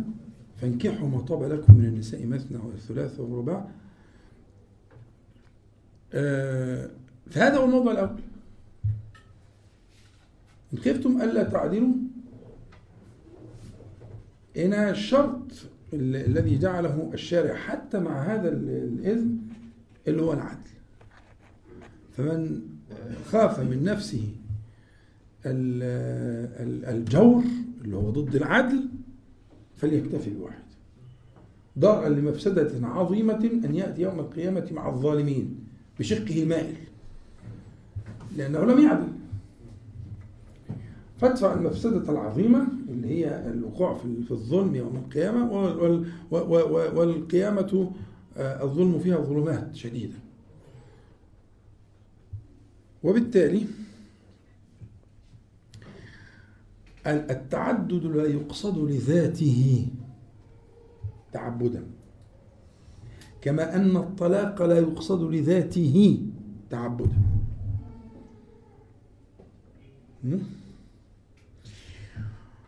ومراجعة الآيات في سورة النساء تقطع بذلك طيب هذا الفهم الذي فهمته أنت هل هو فهم الأئمة؟ هل هو فهم العلماء؟ هل هو فهم الفقهاء؟ طب ده أنتوا بتقعدوا تفحروا وتدوروا على أحكام الأشياء في المذاهب طب ليه ما تعبتش نفسك عشان تشوف حكم المذاهب في التعدد نجاع الهوى. طب ما نشوف حكم الفقهاء في التعدد بيقولوا إيه؟ الأئمة الكبار الأئمة الأعلام بيقولوا إيه؟ المستقر في المذاهب ما الذي يقولونه؟ الحكم في في في في مذاهب الأئمة هو آه الإباحة بشرط القدرة عليه وبشرط العدل بين الزوجات. يبقى بشرطين يبقى مباح لم يزد عن كونه مباحا ومباح مشروط. مشروط بالقدرة ومشروط بالإيه؟ بالعدل. أي مباح في الشريعة قد ينتقل إلى الأقسام الإيه؟ الأربعة الباقية. يعني أقسام التشريع خمسة. عند الجمهور. وسبعة عند الحنفية والملكية. خلينا في الخمسة. النص في إيه؟ المباح. عن يمينه في المستحب وفي أقصى اليمين في الواجب. وعن يساره في المكروه وفي أقصى اليسار في الإيه؟ الحرام. خمسة شيء من التفصيل السادة الحنفية بيقسموا آه، الواجب إلى فرض وواجب حسب الدليل. قطعي ولا ظن والمالكية ومن وفقهم يقسمون المكروه إلى كراهة التنزيه وكراهة التحريم. يبقى لو كل كلام أهل العلم يبقوا سبعة. المختصر خمسة. المباح أي مباح في الشريعة. ممكن ينتقل إلى الاثنين اللي على يمينه والاثنين على شماله. يعني المباح ممكن يصير مندوبا مستحبا ممكن. بشروط تجعله مستحبا وقد يصير واجبا. إذا كان بدافع ضر كبير أو وقوع في العنت أو إلى آخره أو رغبة في الإنجاب أو إلى آخره. له أحوال تنقله تنقله إلى الإيه؟ إلى إلى الواجب. وقد يكون مكروها. وقد يكون حراما إذا غلب على ظنه أنه لا يعدل أو لا يقدر يصير حراما. لكن الأصل الحكم إيه؟ ها؟ مباح المباح. ده كلام الايه ال- ال- المذاهب الإسلامية. أنا هنقل لكم نقلين أو ثلاثة ونقتصر عليهم. الماوردي رحمه الله وهو من أئمة الفقه الشافعي وله كتاب هو من أكبر الكتب في المذهب. آه اسمه الحاوي. هم كتابين كبار كده منهم بقية كتب المذهب كلها بقى بعديها كله من هو كان معاصر للإمام الجويني. الجويني عمل حاجة اسمها نهاية المطلب وهو عمل حاجة اسمها الحاوي. دول دواوين الايه؟ الفقه الشافعي فقه الإمام كله. فالكتاب الحاوي المواد ده كتاب هو جامع للمذهب بطريقة الايه؟ المواردي المواردي بيقول فقد أباح الله تعالى أن ينكح اربعا بقوله مثنى وثلاث ورباع وندبه إلى الاقتصار على واحدة يبقى أباح معناها المباح وندبه يعني حمله؟ دعاه. يقول هذا النقل من الحاوي. يقول واستحب الشافعي أن يقتصر على واحدة. ده نص الإمام الشافعي في الأم. اقتصر الشافعي كما في الأم. استحب أن يقتصر العبد المكلف يعني على واحدة. وإن أبيح له أكثر. لكن الذي ارتضاه الشافعي له ما تسمع ابن قدامة الحنبلي في كتابه في الشرح الكبير بيقول والأولى ألا يزيد على امرأة واحدة. الأولى بمعنى الأفضل والأحسن إلى آخره. ويعدو آه، ذلك لكتاب اسمه المحرر. المحرر في الفقه آه، آه، الحنبلي مذهب الإمام أحمد. ده بتاع جد ابن تيمية اللي هو مجد الدين أبو البركات اللي هو جد ابن تيمية. له كتاب أصل من أصول المذهب اسمه المحرر في الفقه الإيه؟ الحنبلي. فهو ينقل ذلك عن أساطين المذهب يعني. الأولى ألا يزيد على امرأة واحدة. والكلام هنا كلام واضح. مش عايز شرح يعني ما أشرحه ليه؟ هذا هو كلام الشافعية وكلام الحنابلة. والشيخ ابن عثيمين رحمه الله في في في تعليقاته اللي مسميها الشرح الممتع على زاد المستقنع. وموجود كتاب متوفر ومسجل ومعمول كل حاجة. ويقول وعلى هذا فنقول الاقتصار على الواحدة أسلم. بيعلق على كلام الحنابلة الاقتصار على الواحدة أسلم. فالشاهد يعني إنه الكلام أنت شفت السنة خلت والقرآن الكريم صعب المسألة جدا لأنه يعني حال بينك وبين العدل. وأن هذا أمر بعيد المنال وأن العدل شرط مع القدرة طبعا. وأن الإباحة في قوله تعالى مثنى وثلاث ورباع إنما جاءت جوابا للشرط في حال اللي هم أولياء الأيتام. وبالتالي يعني الغلبة والجلبة اللي اتعملت على موضوع التعدد ده أنا شايف إن حظ الشيطان فيها أكبر بكتير من الحقيقة. الموضوع زي زي أي حاجة في الشريعة. له حكمه ليه نحكم فيه الأعراف؟ فتصير الأعراف العرف لا يعمل إلا حين يفتقد الشرع. ولا إيه؟ ها؟ لكن مع وجود الشرع لا مكان للعرف. العرف مش مكان. إحنا بندور على العرف إمتى؟ لما نفتقد نصا للشرع في المسألة نشوف العرف بيقول إيه؟ لكن إحنا عندنا الشرع الحمد لله في القرآن الكريم. تعامل مع المسألة على أنها جواب لشرط. فمشروطة. والشروط دي جمعها أهل العلم وقالها لك يا عمي. يبقى فيه كذا وفي كذا. وقد ينتقل المباح إلى غيره من الأحكام. ممكن يصير واجبا. أنا معاك بس إمتى؟ بحكم الشرع برضه. بحكم الشرع. لكن أن يقصد ذلك لذاته تعبدا وأن يحمل على التكاثر والتناسل وال... الكلام ده مش علاقة بالتعدد. وده تلبيس. والسنة عندكم عندكم الأسبوع ده الأسبوع الجاي إن شاء الله ربنا يحيينا يا رب العالمين. يلا ابحثوا في السنة كيف شئتم. أنا عايز حديث واحد سطر واحد في السنة كلها. في مئات الألوف من الأحاديث. يقول إن التعدد فضيلة مش تقوليش فضيلة فضيلة أن التعدد أفضل من غيره. ولا حديث واحد ولا كلمة. والقرآن كله ربطها زي ما أنت شايف بأحوال علاجية. علاجية. وهذا من من بدائع الشريعة الإسلامية. زي الطلاق بالظبط أخو الطلاق بالظبط أخوه. حد بيختار الطلاق تعبدا؟ إنما يلجأ إلى الطلاق ونعتز بالشريعة الإسلامية لأن فيها الطلاق لأن الطلاق علاج ناجع.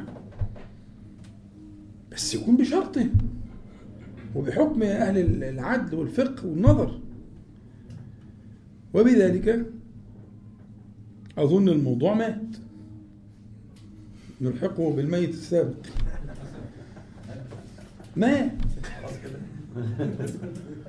تغلبنا بسرعة كده مش أنا يعني قلت المرة اللي فاتت ولا ازال والله إلا عنده إلا عنده أي آه، حاجة من من القرآن الكريم أو من السنة أو من كلام أهل العلم من الفقهاء. ال- إلى آخره. أنا أول الناس استجابة بسمعه أمشي وراه إن شاء الله. خلاص؟ فمات مات وكبرنا عليه اربعا. وعلاجه كلنا هو. دواء دواء ارجع للطبيب ارجع للطبيب أنا بقول لك. اللي تعبان يلجا للطبيب ما يروحش هو بمزاجه وياخد الجرعة اللي عايزها والدواء اللي عايزه ويعمل لي فيها بتاع أمال الناس اللي خدت شهادات في الأدوية وخ- وخدت ماجستير ودكتوراه وتخصص وخبرة 50 سنة عشان إيه؟ عشان تيجي انت اول ما حاجة توجعك تقول لي أنا هاخد كذا وهمنع كذا وازود كذا واخد الحقنة الفلانية والجرعة الفلانية. إذا كان في ألم اذهب للطبيب. في ألم بينك وبينها تعالى نتفاهم. اذهب واحتكم ده بنص القرآن. ابعثوا حكما من أهلي وحكما من اهلها لازم كده عشان المساله تظبط لكن أنت بتحكم هواك.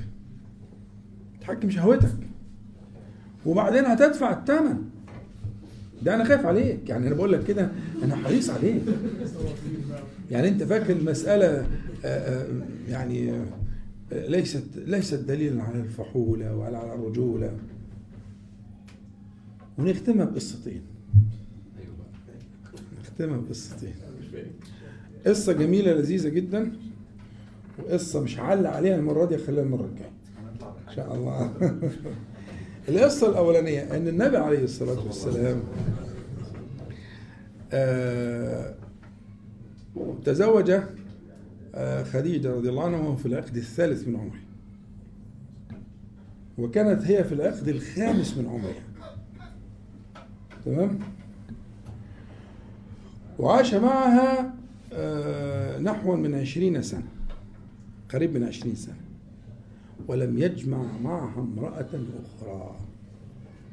برغم أنه كان أوفر ما يكون صحة وشبابا ومالا. فسل نفسك لماذا؟ فكر. يعني هو الداعي أقوى ما يكون في الوقت ده. يعني في من العقد الثالث للعقد الخامس من عمره الشريف صلى الله عليه وسلم هو معها. وكان عنده من المال ومن الشباب والقوة والصحة ها؟ ما عنده? وأوتي ما يؤتى عشر من أمثال الصحابة رضي الله عنهم. لم يجمع معها امرأة أخرى. فين السنة بقى هنا؟ عشان الذين يحتجون بالنبي عليه الصلاة والسلام. التعدد عند النبي عليه الصلاة والسلام خصوصية قطعا باتفاق بإجماع المسلمين. تعدد النبي عليه الصلاة والسلام تعدد زوجات النبي صلى الله عليه وسلم خصوصية بالإجماع.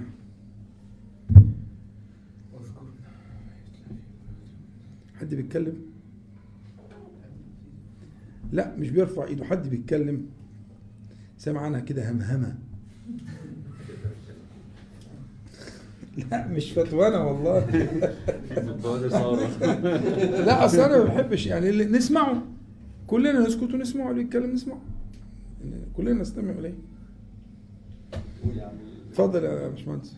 واضح طبعا موضوع الدواء ده وحاسس هو فعلا ينهي الموضوع. لكن آه، يعني في كذا نقطة في كذا عامل برضه. نقط يا عم. يعني موضوع يعني في عصور على مر العصور الفقهاء في كل عصر بيروا وضع عام في البلد أو وضع عام في العصر ده أو وضع عام في أحوال الأمة وبيقول لهم فتاوى يعني معينة تناسب هذا العصر. يلا أنا عايز أتعلم. أنا طالب علم. أنا طالب علم. هات لي بقى الكلام بتاع الفقهاء على مدار عصور الإسلام عشان أنا وراك إن شاء الله. أنا جبت لك آه، آه، عند الشافعية وعند الحنابلة. هات لي أنت ما تشاء. وأنا وأنا وراك إن شاء الله. هذا الكلام أنت سمعته من غيرك ولا من عندك؟ لا استنى بس عليا المقدمة اللي أنت قلتها أنك الفقهاء في كل عصر يفتون مش- الكلام ده كلام حضرتك ولا كلام غيرك؟ كلامك أنت؟ يعني أنت مطلع؟ لا مش أمال جايبته منين؟ اللي أعرفه يعني عارفه من غيرك. عارفه من غيرك؟ لا، هات لي بقى كلام غيرك لأن الكلام ده كلام غير صحيح. تمام؟ وأنا مستعد أتعلم وأتنازل عن كل الذي قلته. لكن هذا الكلام غير صحيح. ما ده للأسف ما هي دي اسمها الإيه؟ دي اسمها الخطأ الشائع. أن يشيع ثم يشيع ثم يشيع حتى يستقر كأنه الحقيقة. فيأتي واحد مسكين زي ينكر الكلام ده يتقال عليه إيه ده؟ وده كلام أصلا محل نقاش. والموضوع ده أصلا محل محل بحث. إيه بيقول الكلام ده بجد؟ ما هي دي مشكلة الأخطاء الشائعة. أنت بتتكلم إنه أمر مسلم. أنا بس دققت مع حضرتك. عشان تقول لي مصدرك ما عندكش مصدر. متصور مش مصدر. تصور حضرتك مش مصدر. أنت على أنت على رأسي. أنت كده كلك على بعض على رأسي. بس الفكرة إن تصور حضرتك ملوش أي قيمة شرعية. إحنا بنتكلم في الشرع دلوقتي مش كده؟ بنتكلم في أحكام شرعية. بنقول مندوب مستحب حرام مكروه مش كده؟ ده لا رأي ولا رأيك. مش كده؟ يعني مثلا حضرتك مثلا دلوقتي الشريعة جت مثلا بتحريم آه، بيع السلاح في زمن الفتنه.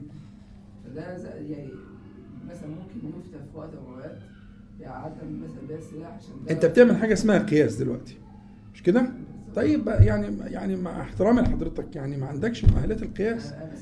لا لا هذا قياس فاسد. أصلاً. هذا قياس فاسد لأنه في نص. القاعدة الشرعية لا قياس مع النص والفقهاء حكموا في المسألة.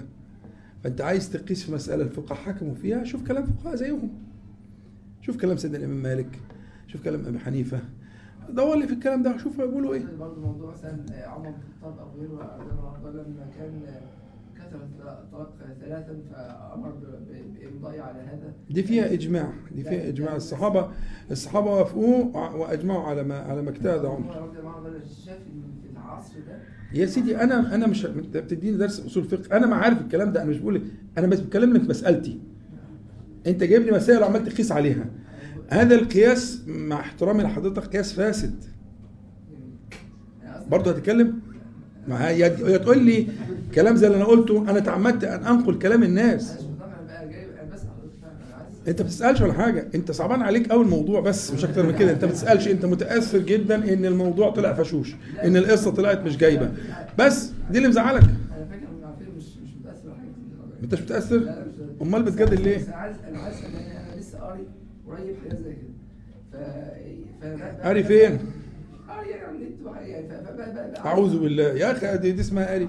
عايز لا قول لي في كتاب كذا في مرجع كذا. عايز اتعلم. هل مثلا في زماننا ده في الفتن و عشان السن بس والله. كثرة المطلقات وكثرة القرار ما يدعو أو يندب الفقهاء إن هم يشوفوا ده مخرج أو يشوفوا عدد المطلقات في المجتمع عدد الارامل عدد الفتن الموجودة. فده يدعو الفقهاء انهم ينتدبهم إلى إن هم يفضلوا هذا الأمر بصفة عامة في وضع معين يعني في ده سؤال يعني. انت عامل عارف زي اللي بيقول إيه؟ الشاعر بيقول كالمستجير من الرمضاء بالنار. هتحل مشكلة بمصيبة. أنا ما عنديش مانع. أنا أفكر في حل مشكلة الطلاق. أنا لو بإيدي الأمر عندي حلول. لحل مشكلة كثره الطلاق وكده. عندي حلول. بس مش من ضمنها الحل ده. الحل ده منوط بحاجتين منوط بحاجتين بالقدرة والعدل ما- لو كان واحد يقدر ويعدل يبقى يحل المشكلة. هاتولي بقى الشخص ده. ونحطه كده قصادنا إحنا قلنا الكلام ده. هو مباح مشروط. مش صعب إذا كان ربنا قال إنه صعب. لن تستطيعوا أن ولو حرصتم فلا تميلوا كل الميل فتذروها كالمعلقة ده مش كلام ربنا ده تأبيد ده حكم لن تستطيعوا الشرط ده اللي هو في الايه دي ولن النساء هل ده شرط؟ ده مش شرط الميل القلبي اللي هو ربنا ما شرطوش أصلا هل قلت شرطين ميل القلبي آه لن تستطيعوا بين النساء ولو حرصتم مش ميل القلبي يعني عرفت هل ده الميل القلبي؟ ربنا قال لن تستطيعوا ان تعدلوا النساء ولو حرصتم ده اللي اعرف ده القلبي هل ده شرط أصلا؟ مش شرط؟ أمال ده إيه؟ ده مش شرط في التعدد يعني هل يشترط؟ أمال ده إيه؟ طيب ده مش شرط. اسمه إيه؟ ده مش شرط. ده إيه؟ طبعا الإمام الشافعي قال شرط. أنت بتقول مش شرط. ده اسمه إيه؟ العدل الشافعي قال شرط وأحمد بن حنبل قال شرط وكل فقهاء المسلمين قالوا شرط. حضرتك بتقول مش شرط. أمال ده إيه؟ الميل القلبي شرط؟ يا ابني العدل شرط. عدل في الميل القلبي يا ابني العدل شرط. العدل في كل حاجة. القلبي لا الميل القلبي مش داخل في الموضوع. انت اللي حملت الآية ما لا تحتمله ده حظ حضرتك في التفسير. لكن ما حدش قال إن انت اللي شايف كده. مين قال كده؟ لا ما حدش قال كده. قريت مين قال كده من المفسرين؟ مين قال كده؟ يا أخي حبيبي انت كل كلامك كله وجهات نظر وانفعالات. انت حاسس بالآية بشكل معين نتيجة الثقافة القديمة اللي بتتحكم في الموضوع. الموضوع مش كده. لن تستغنى؟ بعدين هقول لك معناها إيه إن شاء الله. بعدين. مش مناسب دلوقتي. أصل يعني ده إحنا إيه، ربما لا يكون كل الناس محتاجين اللي حضرتك بتتكلم فيه يعني. تمام؟ وطبعا أنا غلطت فبدفع ثمن غلطتي. إنما هم منبهين عليا ما فيش أسئلة شفوي عشان كده بيجيب الأوراق والناس اللي بتبعت اوراق بتزعل. بتقول يا إحنا بعتنا. فأنا غلطت وبدفع ثمن غلطتي. إن أنا فتحت المناقشة الشفوية لأن مش كل الناس مستواها العلمي متو- زي بعضيها ومش كل الناس ثقافتها زي بعضيها وبالتالي هنخش في جدل والعدد كبير فمش هينفع ال- فالشفوي مش مش مناسب يعني المقام ده. اعتذر ولا يهم. بس هي الفكرة إنه يعني حضرتك ما فيش أي مقومات للي حضرتك قلته اطلاقا. بس عشان سن حضرتك أنا يعني أنت لو أصغر من كده شوية كنت ظبطت. كنت ظبطت. لكن أنا عشان سن حضرتك لما من الدور يعني. لكن مش بصراحه يعني لأن ما- يعني في عندي كلام كتير بس أنا يعني مستحي ان أنا أكلم حضرتك بك يعني. ف آه، لكن طبعا الكلام مش كده خالص يعني مش الموضوع إحنا بنتكلم بقول لك الآية والحديث مفيش ولا حديث والآيات وتفسيرها وكلام الفقهاء اللي هو مبني على الآيات والأحاديث. فإن كنت عايز ترد رد بنفس الطريقة. ابحث بقى واعمل بقى بحث وتعالى. قول لي آه ده فلان قال كذا والفقهاء قالوا كذا وكذا. لكن عن تقول لي أصل والحكاية والناس وت... طب إيه رأيك النهارده أنا قاري آه، خبر إن هيئه الإحصاء في مصر أعلنت إن عدد الذكور أكثر من عدد الناس في مصر. إيه رأيك؟ النهارده قبل ما أجي. آه والله.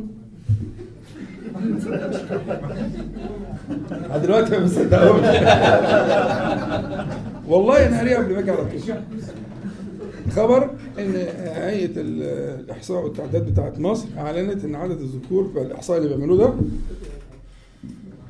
اللي بتاع 2018 عدد الذكور أكتر من عدد الإناث في مصر. مش ما ما هكذا تولد الإبل. لا أنا هعتمد على دي ولا على دي لكن اهم هكذا تكون عايز تحل إشكال ال- ال- ال- ال- كثره الطلاق وكده أنا معاك دي مشكلة كبيرة مشكله رهيبة. بس ده مش حلها. أنت كده بتزيد الطينه بله بتزيد الطينه بله ولها حلول عندي إن شاء الله وبتكلم في الكلام ده في يوم يوم السبت في قرة أحمد طيب. طيب ما هعمل إيه طيب؟ أنا صرحت من اضطريت أصرحهم. أنا عشان بس يعني هو. باشمهندس يعني راجل فأنا ما لميت نفسي عشان كده يعني. طيب هو الباب مفتوح اللي عايز يبحث يبحث وأنا كلامي محدد وده كلام الفقهاء وكلام أهل العلم. واللي عايز يجيب أي حاجة أنا تحت بس يكتب ولا حاجة محترمة كده ويقول هي نقول جايبها من كلام أهل العلم من الفقهاء من كده وندرسها سوا إن شاء الله. طيب. آه أنا قلت قصتين آه القصة الأولانية آه، آه، آه، الثانية مش هقول عليها. الثانية شديدة شوية وهتاخد وقت. وانتوا شكلكم إيه استعوقتوا ال- البتاع. الثانية آه، برضو آه، آه، متفق عليها رواه البخاري ومسلم. وهي من رواية المسور ابن مخرمة رضي الله عنه أن علي بن أبي طالب رضي الله عنه خطب بنت أبي جهل. مين اللي بيتكلم؟ طب ك... طب كلمني كلمني أنا أنا هسمع. كل آذان. الأخ اللي بيتكلم اتفضل يتكلم طب ليه كده؟ لا دي تالت مرة. طب صلوا على النبي عليه الصلاة والسلام. فصبر جميل. يعني صبري صبر جميل. ده تقديرها يعني. فصبر جميل. عن المسور بن مخرمة أن علي بن أبي طالب رضي الله عنه خطب بنت أبي جهل. وعنده فاطمة بنت رسول الله صلى الله عليه وسلم. يعني زوجته تحته. فلما سمعت بذلك فاطمة أتت النبي صلى الله عليه وآله وسلم صلى الله عليه وسلم. أنا سامع همها يا؟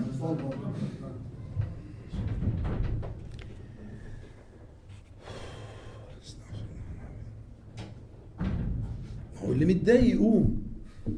فاتحين الباب. مستغرب يعني. إحنا واخدين عليك ورق. الموضوع ده ممكن عايز جلسة ثانية يكون فيها كده يعني. يعني اللي متضايق يقوم توكل على الله لازم تصالحنا بقى. يعني ماسك. ماسك تليفون وعمال شغال في التليفون وبعدين يتكلم شوية ويتكلم اللي جنبه وبعدين يتكلم في التليفون. طب ليه؟ ما تطلع يا عم بره واعمل اللي انت عايزه. ده بيشتت ذهن الواحد ومش برضه مش احترام للكلام يعني مش المتكلم الكلام ملوش قيمة. لكن الكلام كلام النبي عليه الصلاة والسلام الوحي صلى الله عليه وسلم. يعني مش عارف. يلا. فلما سمعت بذلك فاطمة أتت النبي صلى الله عليه وسلم فقالت له إن قومك يتحدثون أنك لا تغضب لبناتك. وهذا علي ناكحا ابنة أبي جهل. فقام رسول الله صلى الله عليه وسلم فسمعته حين تشهد يعني جلس على المنبر كما في بعض الروايات وجمع الناس وجلس على المنبر صلى الله عليه وسلم فسمعته ده المسور اللي بيقول كده فسمعته حين تشهد يقول أما بعد فإني أنكحت أبا العاص بن الربيع فحدثني فصدقني ووعدني فوفى لي. مين أبو العاص بن الربيع؟ زوج زينب آه، آه، كبرى بنات النبي عليه الصلاة والسلام. وله قصة تدمي القلوب? وهو ابن خالتها هو ابن أخت خديجة رضي الله عنها. يعني هو ابن أخت زينب ابن خالد زينب ابن خالد زينب. فحدثني فصدقني ووعدني فوفى لي وده له بيان في قصة جميلة طويلة نبقى ممكن نقراها مرة تانية. قرأتها هنا مع حضراتكم أكثر من مرة. وإنما فاطمة بضعة مني. يؤذيني ما يؤذيها أو ما آذاها. وإنها والله لا تجتمع بنت رسول الله وبنت عدو الله عند رجل واحد أبدا. قال المسور فترك علي الخطبة. حديث متفق عليه رواه البخاري ومسلم. حديث فيه تفاصيل كتير كلام كتير لكن له تعلق مباشر بالمسألة التي نحن فيها. وأنا قلت لكم عندكم السنة من أولها إلى آخرها إن وجدتم حرفا واحدا في فضيلة التعدد فأنا أول الناس تسليما. هاتوا حرف صحيح واحد. في السنة. لكن ما وجدناه هو كله من هذا الجنس هذا الصنف. اللي هو يرجع المسألة إلى حسب المصلحة والمفسدة إلى العادة إلى العرف إلى إلى آخره يعني. ما ما ليس هناك ما يدل على مطلق الفضيلة أنها فضيلة في إطلاقها. ولكم تبحثوا كيف شئتم إن شاء الله تعالى. ماشي عشان ما نزعلش. الناس اللي كتبت أسئلة الناس اللي كتبت أسئلة دي بتسمع الكلام واللي ما والتانيين برضه بيسمعوا الكلام. والذين هم عن اللغو معرضون. ما معنى اللغو وما حدوده؟ هل الكلام المباح في المزاح؟ يعتبر لغوا. أريد التفصيل أو أريد التفصيل في هذه المسألة. لا التفصيل غير مناسب دلوقتي لكن أختصر الكلام. اللغو هو الكلام الذي لا طائل تحته ولا ينفع وربما يكون مضرا. أما الكلام المباح في المزاح فالمزاح إن كان في حدود الشرع فهو مقصد مهم من مقاصد الشرع وأن يلهو المرء مع أحبابه وأصحابه وإخوانه وأزواجه وبناته وأولاده هذا أمر مشروع.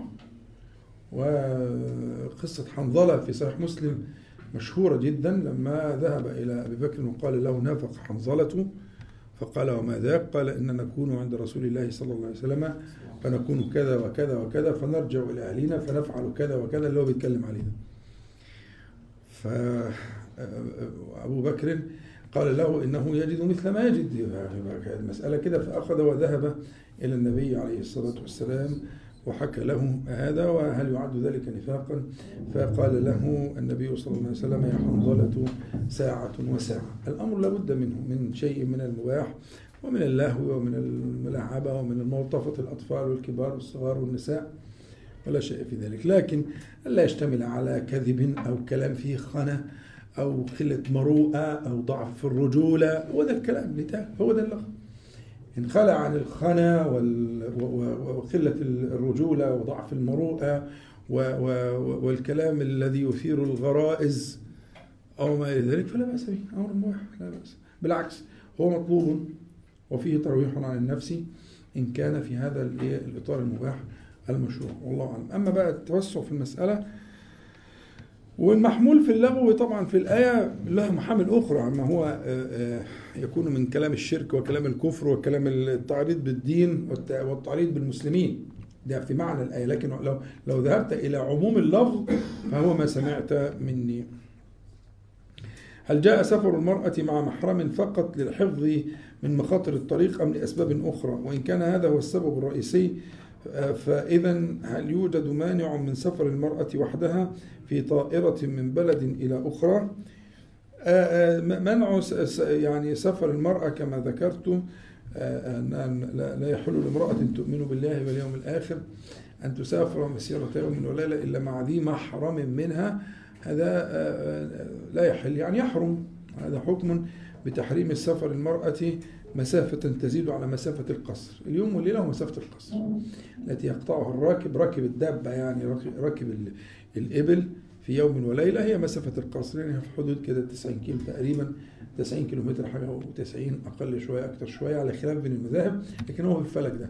فلا يحل لها أن تقطع هذه المسافة أو أكثر منها بغير محرم. هو ده معنى ال- الحديث. ولا يحل يعني يحرم. وإنما ده جاء ذلك قطعا حفاظا على المرأة. الشريعة كلها جاية لتضعها في, في, في العيون وفي الرعاية وفي الصيانة. مش عايز كلام مفيش أسباب أخرى. إحنا نحن لا نتهمها. حتى لا يفهم كلام خطأ نتهمها لا. إنما نحافظ عليها.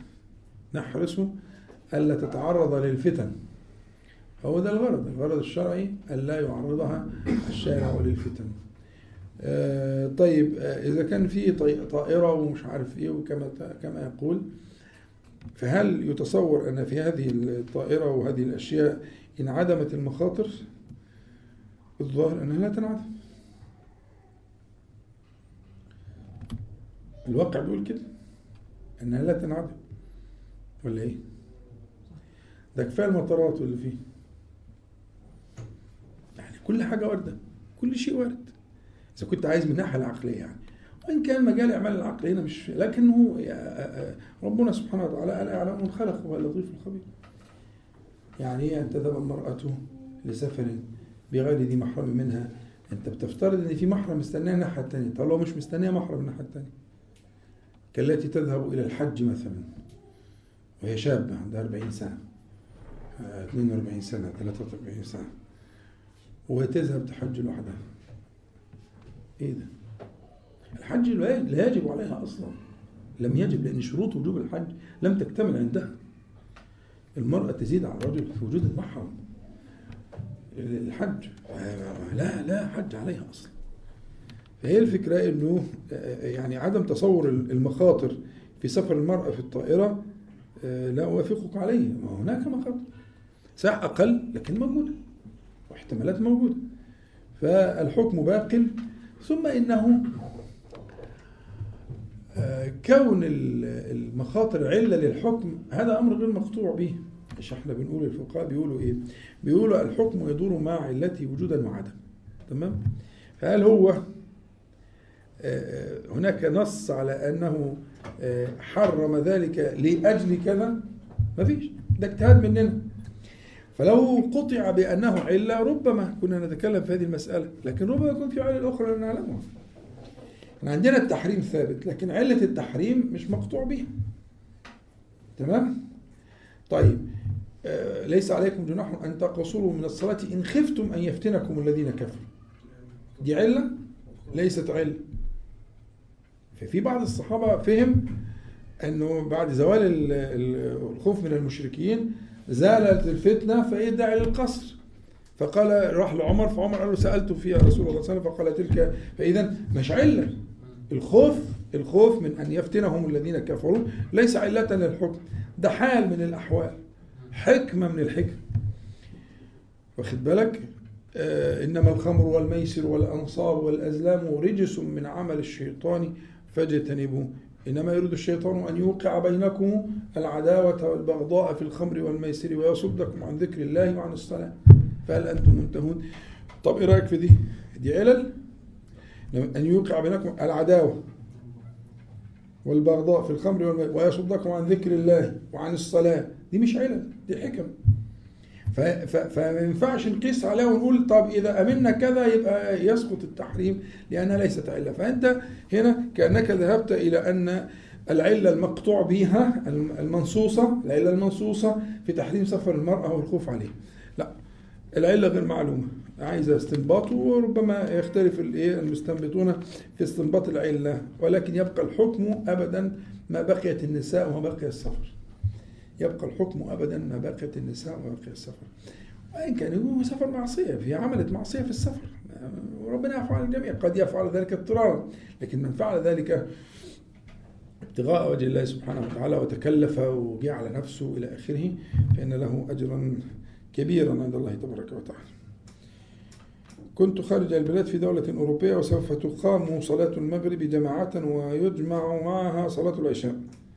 في غرفة مخصصة للصلاة وذلك في وقت المغرب. فهل الأولى أصلي العشاء جمع في جماعة أم أنتظر وأصلي العشاء منفردا في الفندق في وقت العشاء؟ في حاجة شائعة أحب التنبيه إليها أن هناك فرق كبير بين الجمع والقصر.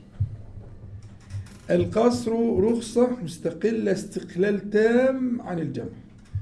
لكن الخلط دايما بي- بيؤدي إلى هذه الإيه؟ هذا اللبس. القصر مرتبط ارتباطا وثيقا بالسفر. فيش قصر في غير السفر. لكن الجمع يكون في السفر ويكون في الحضر وفي الصحيحين. أن النبي صلى الله عليه وسلم جمع في المدينة. خلاص؟ يبقى لابد مبدئيا لابد من التفريق بين القصر والجمع. فما تجمعش في سنة أنت كنت في خارج البلاد في دولة أوروبية. لا مين قال الكلام ده؟ مش محتاجة لا دولة أوروبية ولا دولة عربية ولا محتاجة سفر أصلا. قضية الجمع قضية متعلقة بأسباب أخرى غير السفر. ملاش دعوة بالسفر.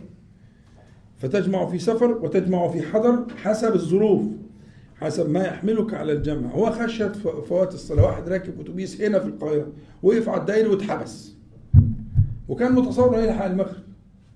ولا عارف ينزل ولا يطلع وراكب عربيته بلاش أتوبيس. مش عارف حتى يركنها. والمغرب غريب. هو كان متصور إنه يلحق المغرب في المسجد. ما لا, مسجد ولا يحزنون والوقت عمال يروح ينزف الوقت ينزف الوقت يعمل إيه صاحبنا ده حتى مش قادر يبطل عربية وينزل. هي ما ينفعش. يعمل إيه؟ ينوي الجمع. آه قبل خروج وقت المغرب. ينوي صلاة المغرب والعشاء جماعة أخي. آه، إن الدين يسر. وده ثابت وفعله النبي صلى الله عليه وسلم. من أنت؟ إذا كان النبي صلى الله عليه وسلم فعله. يبقى تنوي في ساعتها الجمع وخلصت المسألة ولما ربنا يمكنك صلي. فهو بس عشان ما يتصورش الأخ السائل إن في ارتباط بين الجمع وبين السفر. فهو اللي شاف الجماعة لا طبعا الصلاة في الجماعة أولى. صلي مع الناس. صلي المغرب مع الناس وصلي العشاء مع الناس وإن شئت صلي تنفل كيف تشاء. تنفل كيف تشاء بعد كده في بيتكم. لكن صلاة الناس في المكان المخصص اللي هو المسجد يعني في مسجد في جماعة فصلي مع الناس. يعني لما يقول الصلاة جامعة مثلا. في الأيام البرد اللي فاتت دي في بلاد البرد بيبقى شديد قوي. ففي بلاد خلاص ما عارفين. بس في شباب يقدروا ينزلوا العشاء.